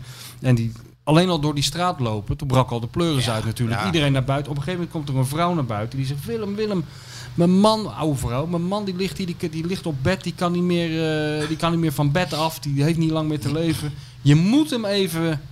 Nou, Willem gelijk van slag natuurlijk. Ja, hij ja. zegt even wachten. Liep hij naar zijn kofferbak, haalde hij dat hele dikke boek van zichzelf eruit. Ging dat die man brengen, bleef een half uur daar zitten. Het hele programma in de war. Maar het was net alsof je in Lourdes was. Echt waar. Die mensen, die, die vrouw. Ja, dat was net alsof er een soort heilige was. Ja, heeft- Willem heeft het wel eens verteld. Er kwam er een, eh er kende die iemand, die man was ook heel erg ziek. Die ging eigenlijk zijn laatste fase van zijn leven in. En die had één droom, die wilde nog één keer naar de Kuip komen. Om even met die spelers te zitten en, en een hapje mee te eten. Dus Willem zegt, die man die werd dan door zo'n eh, wagen gebracht. En die ging inderdaad mee eten. Willem een beetje met hem door de Kuip wandelen. En ehm, toen had Willem gedacht, ik bel eens even op hoe het gaat, eh, weet je een tijdje later. Toen had die vrouw gezegd, ja, het was ongelooflijk. Hij is in, bij Feyenoord geweest en de volgende ochtend, want normaal lag hij te roggelen in bed. Hij zegt, de volgende ochtend word ik wakker, staat hij aan het raam. Die staat hij zich helemaal zijn longen vol te blazen met lucht. En hij- die man heeft nog anderhalf jaar geleefd. Ja, Ja, die vrouw heeft daar een boek over geschreven. ja, Over deze eh, geschiedenis. precies. Dat vertelde, vertelde Van Aardigen mij. Ja. Dus dat is wat, wat Feyenoord dan blijkbaar ook doet. Maar hij had een, gewel- een groot hart. Maar hij kon ook eh, uit de hoek komen. Bijvoorbeeld, dan voetbalde ik. En ik, ik had een hele goede relatie met hem. Ik, eh, kwam ook vaak bij hem thuis. En ik sliep bij hem. Ik kreeg voetbalschoenen van hem. En toen eh, als Van jongens- Willem? Ja, van Ja. Willem. Want die zat bij Adidas. En toen de tijd ja, moest Ja. je gewoon voor je eigen schoenen zorgen. Dus die kreeg ik altijd van hem dan. Maar dan moet je je voorstellen, dan speelde ik een wedstrijd. En hij kwam kijken. Ik was met Jong Feyenoord. En dan had ik drie of vier gemaakt. En dan kwam ik na afloop loop ik van het veld. op. Ik zeg, goed hè Willem? Goed, zegt hij. Ik zeg, vond je het niet goed? Hij zegt, joh, dit, dat en zus en zo. Ik zeg, maar kan je nou nooit eens een keer een compliment geven aan mij? Hij zegt, je moet, pas zor- je, je moet je pas zorgen gaan maken als ik niks meer tegen je zeg. Ja, ja. Ja. Zo, toen dacht ik, ja, daar moest ik eerst over nadenken natuurlijk. Nu, Ja, nu ja. snapte ik het. eh, eh, eh, maar dat, eh, ja, die man kon je op een bepaalde manier raken. Dat ik dacht van ja. Ja, zo is hij ook over, grote zich, spelers. over zichzelf ook. Hè. Er is geen één wedstrijd die echt naar zijn zin is nooit een perfecte wedstrijd de wedstrijd gespeeld. tegen AC Milan, waarvan Nooit. iedereen watertandend zat Mooi. te kijken. Ja. Nee, er is altijd wel iets op aan te merken. Hey, normaal gesproken hebben we altijd even zo'n break in zo'n eh, Ja. podcast. En dan bellen we natuurlijk, eh, natuurlijk jou. Met Mario. Ja, met Mario. Nou, ja. Mhm. dus, eh, Maar ik wil wel even opnemen. Nou, bel hem eens even, Sjoerd. Gewoon voor de, Even kijken of even die een jingletje opneemt. erdoor. Kijken of die opneemt. Kijken of die niet weer En in gewoon even als breakje ertussendoor. Dan kunnen mensen, even koffie, kunnen mensen even koffie halen. Of, Ja, of je eh, kan even die fles wijn Feyenoord-watcher en de opentrekken. hier staat. Het is tijd voor iemand die echt kennis van zaken heeft. Ja, hallo met Mario. Jouw leven is natuurlijk ook totaal veranderd. Hè, Eh, het is, eh, ik kan niet over straat. Ik weet, ja, het is echt Nee. miljoenen mensen. Ja, nou maar goed, we, we zitten allemaal in hetzelfde schuitje. Jongens, Sjoerd kan ook niet meer over straat. We zullen de rest van ons leven hier Nou, ons door Smit even Daarover moeten laten degene, degene die wel over straat komt. Sjoerd, daar heb je ook een heel klein fragmentje van. Hè? Degene die wel over straat komt. Moet je even luisteren, Mario. Luister eventjes. Ja, Hij kan, eh, oh. ja, kan, Nou, het hoeft niet hoor, Mario. Doet niet al te veel moeite. gaat dus over de bestseller writer. Hè? Dit. Deze meneer, weet u wie dat is? Is dat Jaap van Dissel? Nee. Ik denk dat hij dat niet is, leuk is, vindt. is, is die jonge? Of, of zo ziet hij er uiteindelijk uit als het voorbij is. Nee. Doet hij mee met uh, Boer zoekt vrouw, denk, denk ik. Zoiets. KVB. Iets? Ja, dat is die trainer van. eh, wat was het? Iets met Cambuur? Nee, ik weet ook niet hoe die heet. Ik ken zijn kop wel. Hij heeft dat, eh, dat accent, dat. Volgens mij uit Limburg, maar dat weet ik niet zeker. Die Dick Lukien. Ja, nou zie ik het. Die heeft eh eh, Boeker eh, van eh, Wim Kieft. Heeft die. eh, en nog één. Oh, Gijp, ja. Ja, dat boek weet ik Ja. wel, maar... Gijp is toch die voetballer? Ja? Ja, oké. Met die... Met die, eh, Die ontzettend leuke lach. Ja, maar die met die drankgedoe en zo, toch? Nee, of niet? nee, nee, Oh, nee, nee. oké. Ja, dat is Michel van Egmond. Oh, Michiel van Egmond. Ja, dat ken ik wel. Die heb ik ge- gelezen. Ja, die werkte eerst voor eh, VI. Nou, ja, wel een goed boek. Ik heb Grijp gelezen, Kieft. En eh, volgens mij heeft hij ook over Boskamp een boek geschreven. En Topshow, nou, ook allemaal goede boeken. Dat heeft hij allemaal geschreven. Leuk, leuk vent. Prima. Ja, hij heeft een interview gegeven. Nou, een interview, een podcast. In het, in het, het is interview. wel mooi. Je moet eigenlijk Het zien. is een soort... eh, nou, je moet, laat me, ik, ik, nee, ik ja. introduceer het even. Je moet het eigenlijk Ja, zien. dat hoeft niet, hoor. Dan zit hij in een soort eh, Chesterfield bank. Zit hij dan onderuit gezakt met die met beentjes over elkaar. En dan legt hij even uit hoe, eh, De wereld in hoe elkaar de wereld zit. in elkaar is. Hoe de journalistiek werkt. Ja, ik heb er wel van genoten. natuurlijk mooie en wat van geleerd neem ik aan. En wat van geleerd. Aantekeningen gemaakt. Ja, en die ga ik vanavond wel- allemaal nog als- eens een keer Als daar teruglezen. nog vragen over zijn, ik heb een hele multimap thuis. Daar staat het allemaal met grafiekjes in uitgelegd wat ik bedoelde. Nee, kijk, ik Maar zal ja, ere wie ere toekomt. Je hebt natuurlijk een paar geweldige boeken geschreven. Sjoerd, staat de microfoon aan van Mario? Ja. Nee, maar dat is gewoon zo. Alleen, er mist een, je mist er nog één. Ja? Je repertoire, denk ik. De, de Mario Donna, de encyclopedie over Mario Been. Deel 1, 2 en 3. nou ja. Opkomst en ondergang van Mario Been. Ik Mario Been. Ik Mario Been. Ja, tuurlijk. Ja, ja. 010. Nee, maar hij heeft voor de ontlezing een beetje gezorgd. Hè? Dat, is wel, eh, dat is wel waar. Jongens Nee, die, maar- daar- die, eh, dat is zo jongens uit de geuk. Oh, die heb ik gelezen.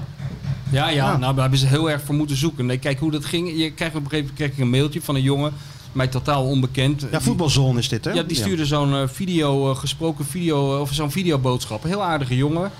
Dat hij allerlei sportjournalisten had. Sjoerd Mossou, onze grote vriend Joep Schreuder. Ja, dat vond ik wel de, de, de beste. ja, tuurlijk. Hugo Borst en zo. Dus, eh, en of, of, die mij ook, of ik ook wilde. Dus ik dacht, ik zal eens even Hugo bellen.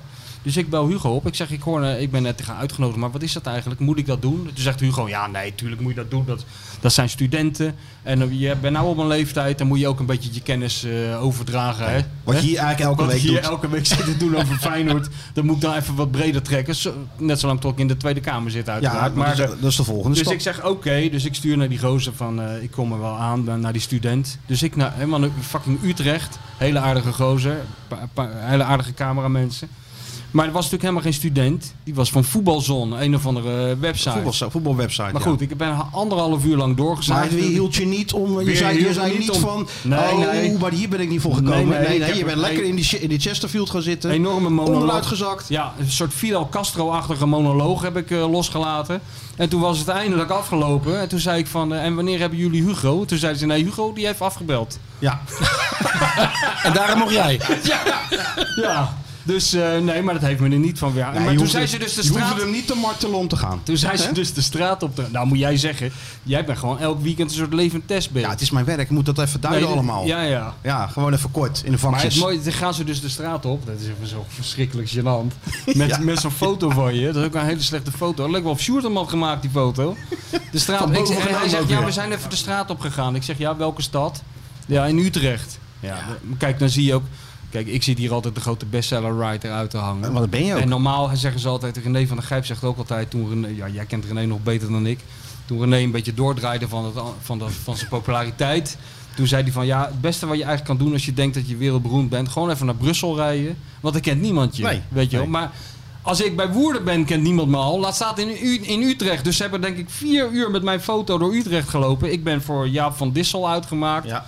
Voor een deelnemer aan Boer zoekt vrouw. Voor de trainer van Emmen. De trainer van Emmen, de trainer van Cambuur. Dick Lukien. Overigens zou ik dat allemaal zo kunnen doen. Hoor. van Cambuur. Nee, maar de enige gelijkenis. Ja. Absoluut. Ah, ah, wel waar. Ja, dat is Ze kunnen mij daar zo neerzetten hoor, bij de Cambuur voor die groep. Oh ja hoor. Dat Dat is zo maakt mij niks makkelijk. uit. Ik neem zo'n multimap mee. zo. Ik wil er een punt Ja, aan. maar het was toch hartstikke leuk man. Hey, Alleen die podcast hebben we weer veel te weinig genoemd. Ja, de podcast is, is niet genoemd. Maar ik ga wel. eh, ik, kijk, ik ben nou aan een media-offensief. eh, dit is nog maar het begin. Want binnenkort, binnenkort zit ik eh, ook bij eh, de vooravond samen met Hugo. Want dat kan ik ook wel even melden. 1 april hè? En dat 1 is geen grap. Dat is geen grap. Want de, de klassieker, over boeken gesproken. De klassieker, de Koolsingel bleef leeg. Heb jij die toevallig gelezen, Mario? Dat boek van Hugo van toen? Ja. Dat is nou 25 jaar geleden, niet te geloven. Eh, maar die komt, die komt weer uit, die geven wij weer uit. Heeft er nog iemand ervoor wordt geschreven? Of, Ik heb eh? toevallig, oh, de ja, eer ja. gehad, toevallig de eer gehad om het voorwoord te schrijven. Dus alleen om die reden is het al eh, Tuurlijk. de aanschaf waard. Nou, het blijft voor mij het beste voetbalboek wat er ooit is geschreven. Dat eh de Koolsingel bleef Het leven. beste boek over Feyenoord ooit. Ja. Over voetbal misschien wel in Nederland. En ik, heb, ik was erbij dat... Kijk, Peter Bos speelt er... een Bos en Trustful komen er niet al te best af in dat boek. Laten we dat maar even... We kunnen wel een tipje van de sluier oplichten. Want Hugo komt hier 6 april pra- praten over dit boek. Dus dat is ook wel leuk. Maar ehm, ja, Hugo heeft dat gewoon heel onafhankelijk gemaakt. En niemand had die tekst gelezen voordat het uitkwam. En ik was toevallig in het spelershome van Feyenoord op de maandag dat, dat het boekje uitkwam. En dat had die uitgever een goed idee geleken om dat in grote stapels in het spelershome neer te leggen. Dus ik zat daar. En bij toeval is de eerste die binnenkomt na het douchen is Peter Bos. En die, die zegt, wat is dat nou? Een boek in de spelershome. Oh, dat boekje. Oh, dus, ik zeg, dat is het boek van Hugo. En die begint te bladeren. Nou, het leek wel of ze mijn kamp hadden neergelegd. Zo keek hij erbij. Hij had vijf bladzijden gelezen. Hij zegt, wat is dit in godsnaam? Ik zeg, ja, dat is het boekje van Hugo. Die heeft het een beetje hier in de boel in de gaten zitten houden een jaar lang. En dit is het verslag daarvan. Ja, mooi hoor. Ja, die schrok zich te pletter. Want zo'n boek was er niet in Nederland. Nee. En dat is er eigenlijk daarna ook niet meer geweest. Niet zo'n... eh, zo'n eh, nee. Je hebt wel, kijk, weet je wat ik het goede eraan vind? eh, wat Hugo heeft gedaan. Je hebt, je hebt later nog eens een keer iemand gehad, Kees het Hart, ook zo'n schrijver. Heb ik ook gelezen. die heeft Herenveen Was ook wel leuk, maar was iets moeilijker, vond ik. Nou, dat was een outsider. Ja. Die, die daar bij een voetbalclub. En dan is dat is ook hartstikke leuk, want het is een wereld Ja, op zich met boek. eigen codes en eigen. Maar die schreef dat vanuit een soort verbazing van iemand die daar Alsof hij bij een Afrikaanse stam eh, beland Ja, was. nou weet ja, je. dat was Maar- voor hem ook zo. Was ook zo. Ja. Maar Hugo heeft het geschreven. En als een soort outsider, heel beschouwend. Maar ook als insider. Ja. Want hij kent de club ook. Hij kent de mentaliteit van... de en dat vond ik wel echt... Een beetje eh, geholpen hartstikke- hier her en der met wat, wat informatie. Dus, het maakt echt, dat maakte het wel tot een... eh, ja, nogmaals, ik heb het wel vijf keer gelezen, misschien als het niet meer is. Het was heel goed. En ik denk ook niet... Kijk, Jorien van der Herik had natuurlijk ook mazzel dat, dat Jorien... Ook een voorzitter was die dat oogluikend eh toestond. Hè. Die, die had ook niet zo'n hekel aan publiciteit. Nee. Dus eh, daar moet je natuurlijk ook... Ik, ik denk dat dat nu... Gaat dat allemaal niet meer. Nee. Toen liep je gewoon... Maar Mario weet dat eh, ook. Ja, je liep toch de Kuip in en uit. De trainerskamer van Vaanderhem. Ja. Liep je gewoon kon je in. zo, ja. Maar daarom ben ik ook zo benieuwd naar die documentaire die er nu Ja. gaat komen Ja. van Feyenoord. Ik heb al gehoord dat, eh, dat eh, Dick, dat er al iets, iets is uitgelekt. Hè? Dat Dick tegen de keeper roept, tegen die Marsman... als ze het over de speelwijze gaan hebben, dat hij, dat hij helemaal zijn bek moet houden over de speelwijze. ja, ja, ja, dat zou goed, heel goed kunnen. Ja, want dat, Marsman was een van de spelers die kwam... eh. Dan ben ik benieuwd of dat, of dat eh, onder het veto-recht valt. Of dat het. Nou, Dick gaat het nog een keer bekijken. ja, wie, Dus, wie heeft het veto-recht? Ja, Dick. Ja, de, de, de, de, de, hoofdrolspeler zelf, volgens mij. Hè? Dick, Dick Is mag- dat zo? Ja, dat, dat begreep ik eruit. Dat is vaak wel jammer dan, hè? Dat is jammer, ja. waar we het net over hadden, de interviews van ja. 10, 15 jaar geleden in de VI. En nu. Dat is allemaal nee, ja. een beetje Het gekunsteld. verandert allemaal. Ja. Maar goed, wen eraan Mario, want eh, je gaat nog heel veel van eh, meneer Ja, grote komende, komende. En komende daarna tijd. krijgen we nog het grote Derks-offensief. Ja, dat- dat- ik ben precies. gisteren bij VI geweest. Bij de bij uitzending. Denk, Ah, was ik je heb geweest het eh, manuscriptje ingeleverd bij de, grote, bij de grote baas. Dus hij zit er niet. Wat zei die? Nou, niks nog. Hij had er nog geen letter van gelezen. Dus hij was wel benieuwd. Ja, ja, ja. ja. Hoeveel pagina's wordt het? Heel dik wordt het. Het wordt twee keer zo dik als, eh, als normaal eigenlijk. Oké. Als, als hij tenminste... Dat is natuurlijk een markant figuur. ja. Ja, Ja, dus- die heb je- die maak je ook al je hele leven mee, denk ik. Ja, nou zeer zeker. Daar heb ik ook eh, nog wel wat interviewtjes Ja, dat aangegeven. is wel best. Ja. Dus ja, voor augustus had niemand van, eh, was hij in alle anonimiteit. Ja, Wij hebben hem eruit getrokken, Mario. en nu is het, is het, is het Nou uit de hand gelopen. een monster gecreëerd. Nou, Nou gaat hij dingen uitleggen waar hij helemaal geen verstand van heeft. ja. Maar daar zijn we elke week toch weer blij, mee, blij van, hè, worden we ervan. Dat hij er toch weer, eh, weer bij zit. Hey, Wim Kief was hier vorige week. Ik heb zitten luisteren, geweldig. Ja, hè? Ja. Mario. Birra. Mario Bira. Bira. Ja. Dat Ja, zeiden ze allemaal toen wij in Pisa waren. En wat vonden ze raar? Ja, dat je Ik- bier dronk. Nou ja, nou, kijk, weet je, mijn vrouw dronk ook altijd cappuccino. Maar Ja. cappuccino drink je... eh, Ochtends. s- ochtends neem je een koffietje en... en, en Na het eten maar is als, als nam hem ook eh, na het eten en, Ja. en smiddags, wanneer dat zij dacht, nou ik ga een cappuccinootje. En ik, nou, ik dronk een biertje of zo na de training. En dan zaten we met z'n allen ergens in, een- in een barretje.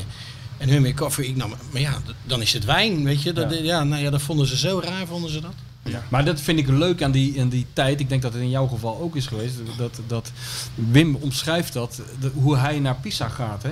Ja. Dat hij weet dus helemaal niet waar hij terecht komt. Hij, hij snijdt zijn spaghetti in kleine stukjes. hij heeft een veel te dik colbert aan. Die Witte moeder- sokken. Witte sokken. ook zo witte sokken. Allemaal dat soort dingen die je in Italië echt niet kan doen. Nee. Ja, die doe je gewoon wel. Ja. Want je weet het niet. Ja, het was wel een aparte tijd. hè. Toen de tijd was het natuurlijk geweldig. Mocht je nog maar, eh, of er waren er maar drie buitenlanders, de rest was Italiaan. Ja. Dus de utopie, nu heb je drie Italianen en de rest Ja. is buitenlander. Dus het was wel iets En niemand aparts. sprak Engels, denk ik. Nee, haast niet. Je moest Maar je had wel snel... een buitenlandse trainer, toch? Je had toch Lucescu? Lucescu heb ik gehad daar, ja. ja. Eerst Bolki, oud in te spelen. Toen Lucescu en toen Giannini. Dus ja, nee, ik heb eh, ja, drie mooie jaren gehad Hij daar. was toch geweldig. En- die speelde met Allegri, toch?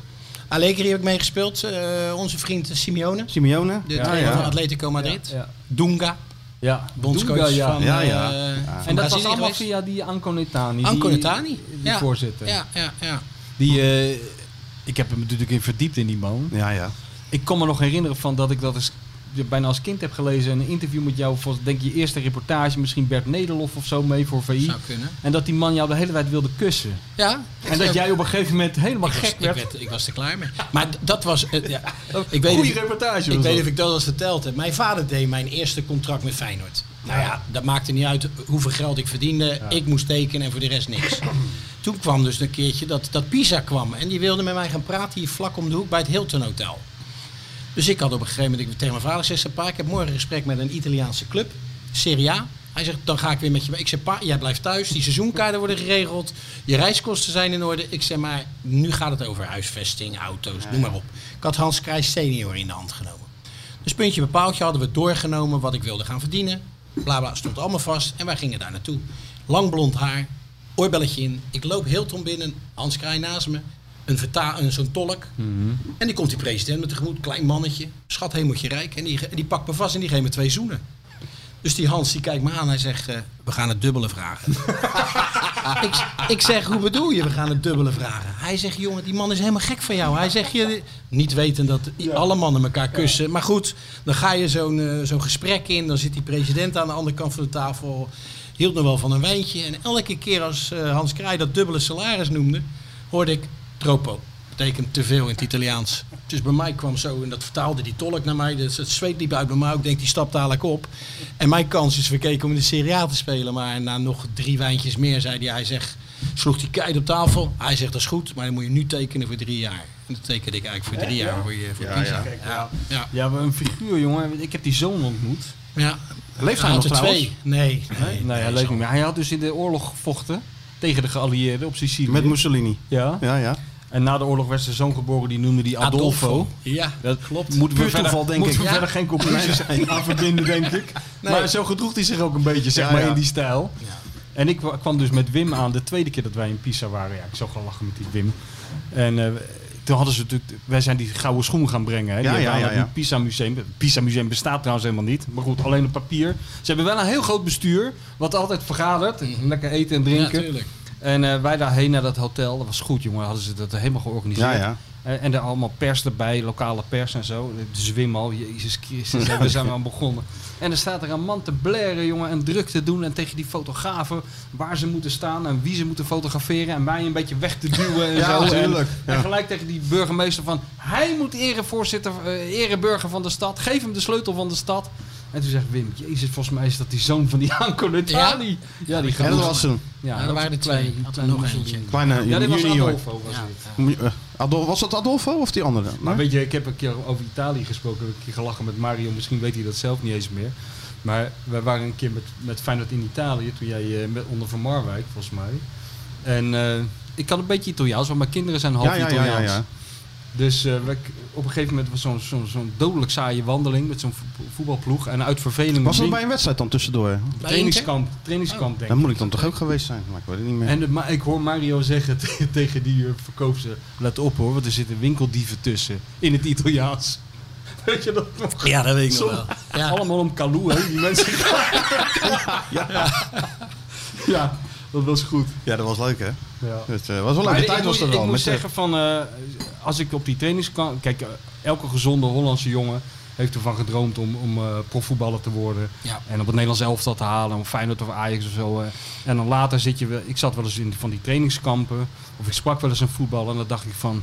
Het zou toch mijn, mijn leven niet zijn, weet je wel. Zo gedisciplineerd. heerlijk, zo. man. Maar Trainen, waar ik- kaarten. waar- ja, nee, dat lijkt me dat verschrikkelijk. is toch lekker? Nee, lekker een beetje trainen, een beetje kaarten, een beetje wandelen, saai. een beetje... eh, Maar waar ik, waar ik wel echt jaloers op kan zijn, is wat hij heeft meegemaakt. Zo in die tijd, in de, in de, in de jaren 80, in de Serie A, dat was ongelooflijk. in Italië, met al die sterren. Ja. Ja, dat is geweldig. Zat je ook in dat... Ja, ja, ja. ja. En Wat dat, zat je ook? Nou, hetzelfde hotel waar Wim helemaal knettergek werd. eh Della Della- Rosa of zo. Ja, is dat gelijk aan het plein daar? Nee, nee, dat zit een beetje in de, buiten, bergen. In de bergen. Oh nee, Villa della Rossa. Ja. ja. Ja. natuurlijk. Daar hadden Ja, ze de lekkerste biefstuk. Ja, die hebben de lekkerste, die smolt op je... Ja, die hebben we Maar die man was apart. Als mijn ouders er waren bijvoorbeeld en we wilden naar Florence, hè, dat is hemelsbreed 60 kilometer verder, moest ik eerst aan de president gaan vragen of ik mocht gaan met mijn ouders. Dat hij wist waar zijn spelers waren. Oh ja, joh. Als wij verloren thuis van eh, AC Milan, kan wel eens gebeuren Ja. thuis met Pisa, stond de bus voor, alle spelers erin, gelijk naar de, naar de volgende uitwedstrijd toe, eh, een trainingskamp. Trainingskamp, ja. Ja. En dan vroeg ik van ja, maar ik heb geen schoon ondergoed. Volgende dag lag alles klaar, nieuw schoon ondergoed. En hij dacht dan, hup, we gaan eerder naar. Ja, Dan zijn ze maar binnen. alles wat moest. hè, eerder met de bus, dan zag hij de bus van de tegenstander rijden. En wij kwamen dus uit Villa della Rossa. En dan zag hij, die, dan moest onze chauffeur moest die bus inhalen. Want hij moest als eerste op het stadion zijn. Hij was er heel bijgelovig, hè? Ja. Overal zout gooien. overal zout gooien, Ja, en hoeveel pakken heb je nou van die man gekregen? Want als hij won kreeg hij een pak, hè? Nou, je mocht wat uitzoeken elke Ja, ja. zaterdag. Ja, in Montecatini Term. Ik zal het nooit vergeten. Ja, ben ik ook nog wel eens Ja, geweest. bij een hele mooie kledingzaak. En dan mocht je iets uitkiezen. En eh, dan moest je wel eerst langs hem komen. Dan moest je het laten zien. En als hij het mooi vond, trok hij het, eh, het prijskaartje eraf.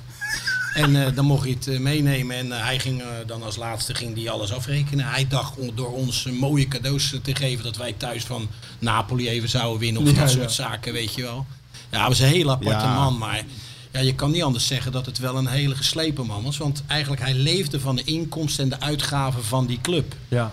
Hè, En, en, en dat, ja, Ja, hij en hij, deed transfers. Heel, hij had een Ongelooflijk. gigantisch archief, hè? Ja, Zijn hele spelers. leven eh, Ja. bijgehouden. Een Ja. papieren archief.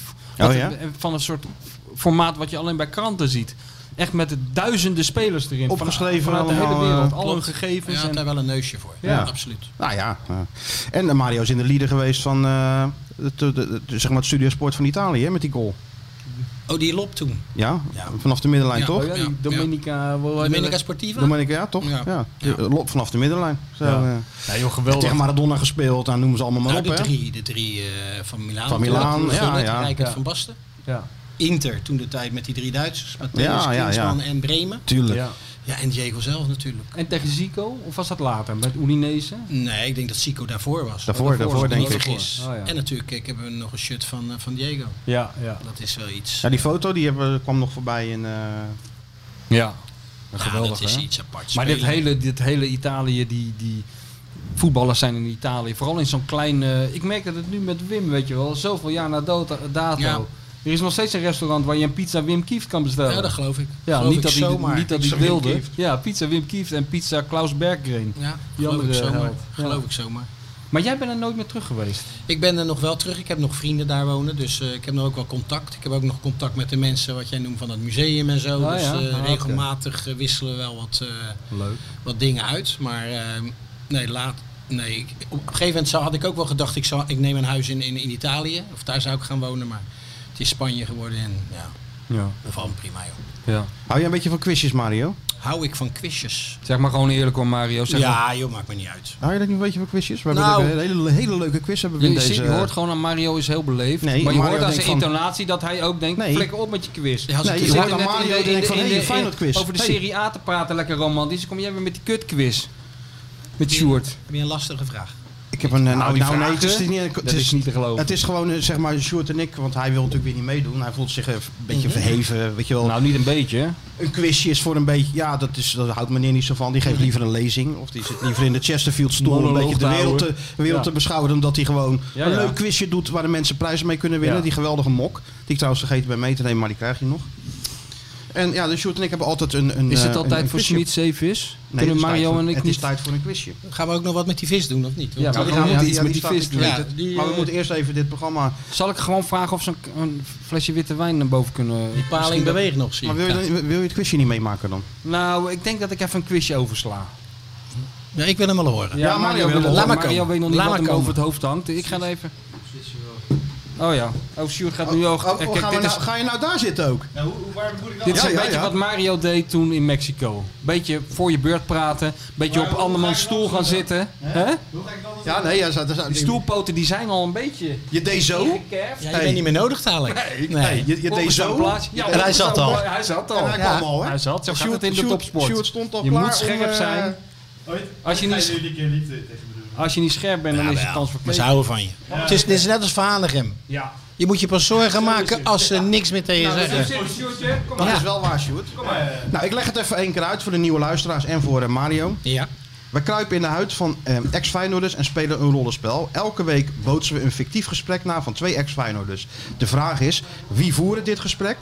En we zoeken altijd twee ex-spelers van Feyenoord die ooit bij Feyenoord of een andere club samenwerkten. Let op, het hoeft dus niet per se bij Feyenoord geweest te zijn. Ja? En dit keer vergeren we een onverwachte ontmoeting tussen twee ex-Feyenoorders afgelopen zomer op het Spaanse strand. De Dik voor elkaar podcast. Dit Feyenoord weet je. Feyenoord weet je. Weet je niet. Weet je niet. Jij moet die Sjoerd. Kom, kom. Ja, ik denk dat ik hem skip. Nee, week. nee, kom. Het accentje. Kom nou. Nou ja, waarom heb ik altijd de accenten Ja, trouwens? weet ik veel. Jij nooit, hè? De NK voetbalquiz levert deze, de NK voetbalquiz levert deze vraag. En die vinden dat Nee. jij dat gewoon het beste doet. Uit protest... eh, Doe nou gewoon dit, dat accent, dat doe je het beste. Ik kan hey, dat niet. Kijk aan. Ik zal vast niet de eerste zijn die je herkent. Maar ken jij mij nog? Nou, Pik, dan moet ik even goed kijken. We waren ploeggenoten. Ja, verrek. Nog steeds die snor. Ik moest wel even goed kijken, want behalve die snor... zie ik niet heel veel gelijkenissen met, wat zal het zijn, een jaartje of dertig terug. Kom je vaker hier?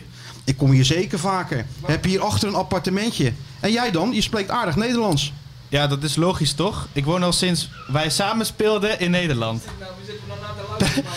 ben niet meer weggegaan. En ben hier nu op vakantie. Lekker even in de echte hitte. Mijn vrouw ligt hier 100 meter verder op het strand bruin te worden. Ik ben even wandelen. Lekker Nee, even... piep. Wat had hij nou gedaan? Lekker even andere tieten kijken. Jezus. Haha, ja, dat doe ik altijd wel een paar keer per week, joh. Kijken mag, hè. Maar wat doe jij tegenwoordig allemaal? Ik heb een beetje in de auto's gezeten en heb nog wat andere dingen gedaan. Maar daar wil ik liever niet over hebben. Aan jou hoef ik niet te vragen wat je allemaal doet. Want ik zie je nog wel op tv. Was nou het allermooiste in je loopbaan geweest? Deze is lang, zeg. Ja, toen ik speelde bij jouw club Feyenoord. Ook al was het niet vaak, wat een prachtige club. En mijn enige interland was ook heel bijzonder. Ja, daar speelde jij natuurlijk voor we ploeggenoten werden. Nou, voor mij geldt precies hetzelfde. Feyenoord en mijn Interland. Leuk je tegen te komen, maar ik moet echt gaan. Het, e- het eten staat klaar en ik moet niet, niet te laat komen, want dan krijg ik billenkoek van de baas. Ja, dit was wel makkelijk eigenlijk. Dit is een hele spreekbeurt. Dit was makkelijk. Dat was een hele spreekbeurt. Ja, schij nou toch uit. Ga je nou ook in één keer cynisch doen? Nou, hij, was, hij is langer dan normaal. Maar dit doen we om jou groot te maken, hè? Ja. Ga je het idee? Heb je idee wie het is? Oh. We kunnen niet te veel zeggen, maar het was... eh, Wel leuk. Ja, wel leuk toch? En wat kunnen Sjoerd mensen goed, die mok winnen? Ja, die kunnen die mok winnen. Nou, er wordt echt massaal op gereageerd. Alleen hebben we afgelopen week geen winnaar, want dat was te moeilijk. Dus twee mokken om weg te geven. Oh, hij was te moeilijk. Blijkbaar, hij was te moeilijk, ja. Zelfs Harry Hamer, die luistert ook altijd, die wist Zelfs. Harry Hamer wist Vind ik wel een tegenvaller hoor. Ja, dat Harry ja. Hamer dat niet weet. Maar was leuk toch zo? Een beetje quizje, Nee, quizje hartstikke met mensen. leuk joh. Weet je wat ook zo leuk is Weet je van wat die... nou weet, dat weet je hij wat er ook, altijd tussen, tussen door zit te weet je wat ook zo leuk hij- is? Dat hij steeds langer wordt. Dat is vooral het leukste hiervan. Nou, maar dat, dit- dat nogmaals- jullie zo in jezelf zijn gaan geloven. Nee, nee, Met nee. deze maar- onzin. Laat me dat even uitleggen. De NK voetbalquiz Ja. levert deze quiz. En ik zal doorgeven aan Hans-Jurgen Nicolai. Iets korter. Iets korter. Hans-Jurgen, ja. Ken jij leuk. nog wel, toch? Ja, tuurlijk. Heb je nog mee gespeeld, hè? Ja, gozer. Ja. Hartstikke goede gozer. Absoluut, absoluut.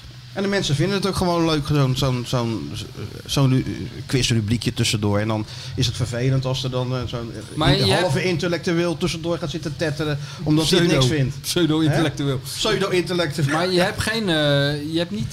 je doet normaal altijd in de, in de, in de stijl van Ted de Braak of van... maar, of Ja, ik van wilde- ik wilde Frank- Wouters of Willem Ruis, maar dit was gewoon Nou, ik wilde, ik, ik, ja, we hebben iets, kijken of, of, je? of je het herkent. Luister eens.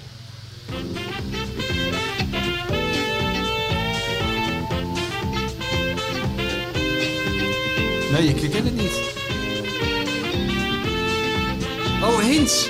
Klinkt als. Hins. Klinkt als Frank Kramer. Frank Kramer. Ah, Frank Kramer. legendarische Frank. Ja. Legendarische Frank, ja. Daar, deed ik, eh, daar werkte ik mee in, ehm, op een gegeven moment in Parijs voor Eurosport. Ja. Toen tijdens de jij WK ook- en de Afrika Cup. heb jij dat ook nog gedaan? Heb ik ook nog gedaan. En toen reed ik regelmatig met Frank Kramer mee. Gezellig. En dan zat ik gewoon eh, de kranten uit 1975 te Ja, lezen. bij wijze dat lag allemaal in die wagen. Dat was een schoon, zootje. Dat is- dat is echt wat voor jou. Oh, dat vond ik zo verschrikkelijk. Dus dat je tot aan je, Oh. tot aan je knie in het vuilnis... Dat is zo verschrikkelijk, vond ik het. Maar wat een aardige man was dat. Ja, ja, Echt een voetbalman die quiz, quizmaster is geworden. Ja, probeer, elke week proberen we even zo'n quiz. Kijken wat nou mij, het beste past. Leuk. Ja. Dus Ja, wat we hebben nog niet helemaal dacht ik, gevonden. we hebben het nog niet helemaal gevonden. Nee, we zijn pas 27 We afleveringen hebben verschillende quizmasters hebben we een beetje geprobeerd. Ja. En ik ben nog steeds een beetje op zoek naar... eh, Ja, je hebt van wat alles jij aan- nou de beste tot nu toe? Ja, nou, je hebt eigenlijk van alles wat, hè? Zo, je bent eigenlijk een combinatie van al het goede van Ted de Braak en, en van Willem Ruijs allemaal gecombineerd eigenlijk in één ben jij. Dus ik zou ook zeggen, Mario zal mooi. het daarmee eens zijn, in principe moet je ook op je hoogtepunt stoppen. Nou, we, nee, we zijn er nog niet. Nee? Nee, we moeten Hoe lang gaat deze podcast A? Hoe lang gaat die vandaag duren? Want ik kan niet meer lachen van de dorst. En B, hoe lang gaan we eigenlijk door? Als Nou, Feyenoord stopt. Nee, als Feyenoord stopt met voetballen, stoppen wij dan ook? Of gaan we. Ga je nou ineens... ik heb ook een soort we hebben je gelanceerd en nou ineens denk je van... Ja, eh, ja, ja, ja. Groeit alweer, hè? Ja, ja, op een gegeven moment moet je een stapje verder. Zoals een stapje verder kijken. Kijk, hè? Mario is ook niet bij Excelsior blijven hangen. Die is op een gegeven moment in de Kuip terechtgekomen. Geen mooi door. Ik kan toch niet hier mijn hele leven naast die shoelbak gaan met een gewauwel van jou gaan zitten luisteren? Ik vind het zo Op ondankbaar. een gegeven moment moet ik ook een Ik internationale vind het zo maken. ondankbaar. Het was een, een, een schrijver aan de grond, bijna. Hè? Niemand hoorde nog wat van hem. Nee. Toen hebben we gezegd, weet je wat, we bellen die Michel misschien leuk voor die Feyenoord eh, podcast. Nou, hij gaat hier zitten. Ik was er net vanaf... Binnen no time eh, populair. Hij heeft helemaal het wereldje weer ingetrokken. Aan Ja. alle kanten wordt hij uitgenodigd om op tv te komen. Om Ja. Podcasts, andere podcasts te zitten, voorwoorden te schrijven. En meneer vindt het is ons ineens alweer ontgroeid. Nou, ik vind het jammer. Gaat snel. Maar heeft een contract en hou hem gewoon aan. Ja. Dan kan hij Rob Jansen vier keer sturen. En Maar jij kan hij niet op vakantie, ja jongen. Rob Jansen, dat, kijk, het is ook weer goed dat Mario erbij zit. Rob Jansen lost dit voor mij op, toch? Oh jee. Als ik weg wil met een klein bedragje. En op een goede manier Dat gaat lukken, toch? Ja, maar Wij, wij, kennen, wij kennen Rob Jansen, dus we weten precies wat hij... eh, wat hij kijk, dat is nou het nadeel. Ja. Die zorgde voor mijn beste uurloon ooit in eh, Dat Cyprus. denk ik wel, ja. ja. Die, die, die hele golftas die was er niet uitgepakt. Of Mario Of ik was zat alweer weg. En elke, en elke maand. Die ging naar Mario en die is net zo lang op Cyprus geweest als Mario. Oh, en elke- die En, reportage. en, en ik was bij Rob thuis toen, eh, toen het... eh, ja, toen was het net één dagje bekend of zo. En toen kregen we dus de tussenpersoon aan de lijn. Ja. Die heel voorzichtig ging informeren of er nog een heel klein bedragje voor hem gereserveerd was. Nee. Zoals, jawel. Wel, wel toch wel? Ja, Nou, gelukkig had Rob dat helemaal afgetimmerd, hè? alles was... Dus eh, hij ging met het koffertje weer terug richting... nou, eh, elke maand. Elke maand kwam dat netjes. Ja. Elke maand. Oh, je kreeg niet zoals eh, Rob Jacob zo'n hele koffer die je in het midden moest zetten mee daar. Nee, naar nee, de- het, het ging allemaal heel netjes. En, eh, ja. Nou, lekker toch? ja, nou dat is het voordeel van zo'n goede zaakwaarnemer. Nou ja, dat is wel wat Rob zegt. Als ik een contract eh gaat, als een speler van mij een contract gaat tekenen of een trainer, dan ben ik al bezig met het vertrek. Ja. Nou, één stap, één stap vooruit. Ja, dat doet hij. Ik kan niet ontkennen dat hij dat goed doet. Nou, dat heeft Nee. hij bij jou ook gedaan. Nou, dat gaat hij zeker doen als ik hier weg wil. Als ik een soort e- geen exit-regeling heb. Ik moet even de kleine lettertjes lezen, maar dat schakel ik Rob in. Nou, je hebt geen exit-regeling, kan ik je vertellen. En je, je bent... opletten wat er gebeurt. En anders schakel ik gewoon de, publiek- doe ik de Jan Derksen manier. Schakelen we de media in. Ja, maar wij zijn de media. Ja, nee, maar de echte media. Jij zit bij een soort jij echte zit bij een media. soort- de media, de serieuze. Jij hebt getekend bij een soort Napoli. Je hebt al je, je portretrecht heb je Oh, ingeleverd. Alles heb je bij ons Paspoort ingeleverd. ingeleverd. Alles ingeleverd. Alles ingeleverd. Spelerspas. Ben ik ook eigendom van een bedrijf eigenlijk? Voor een deel.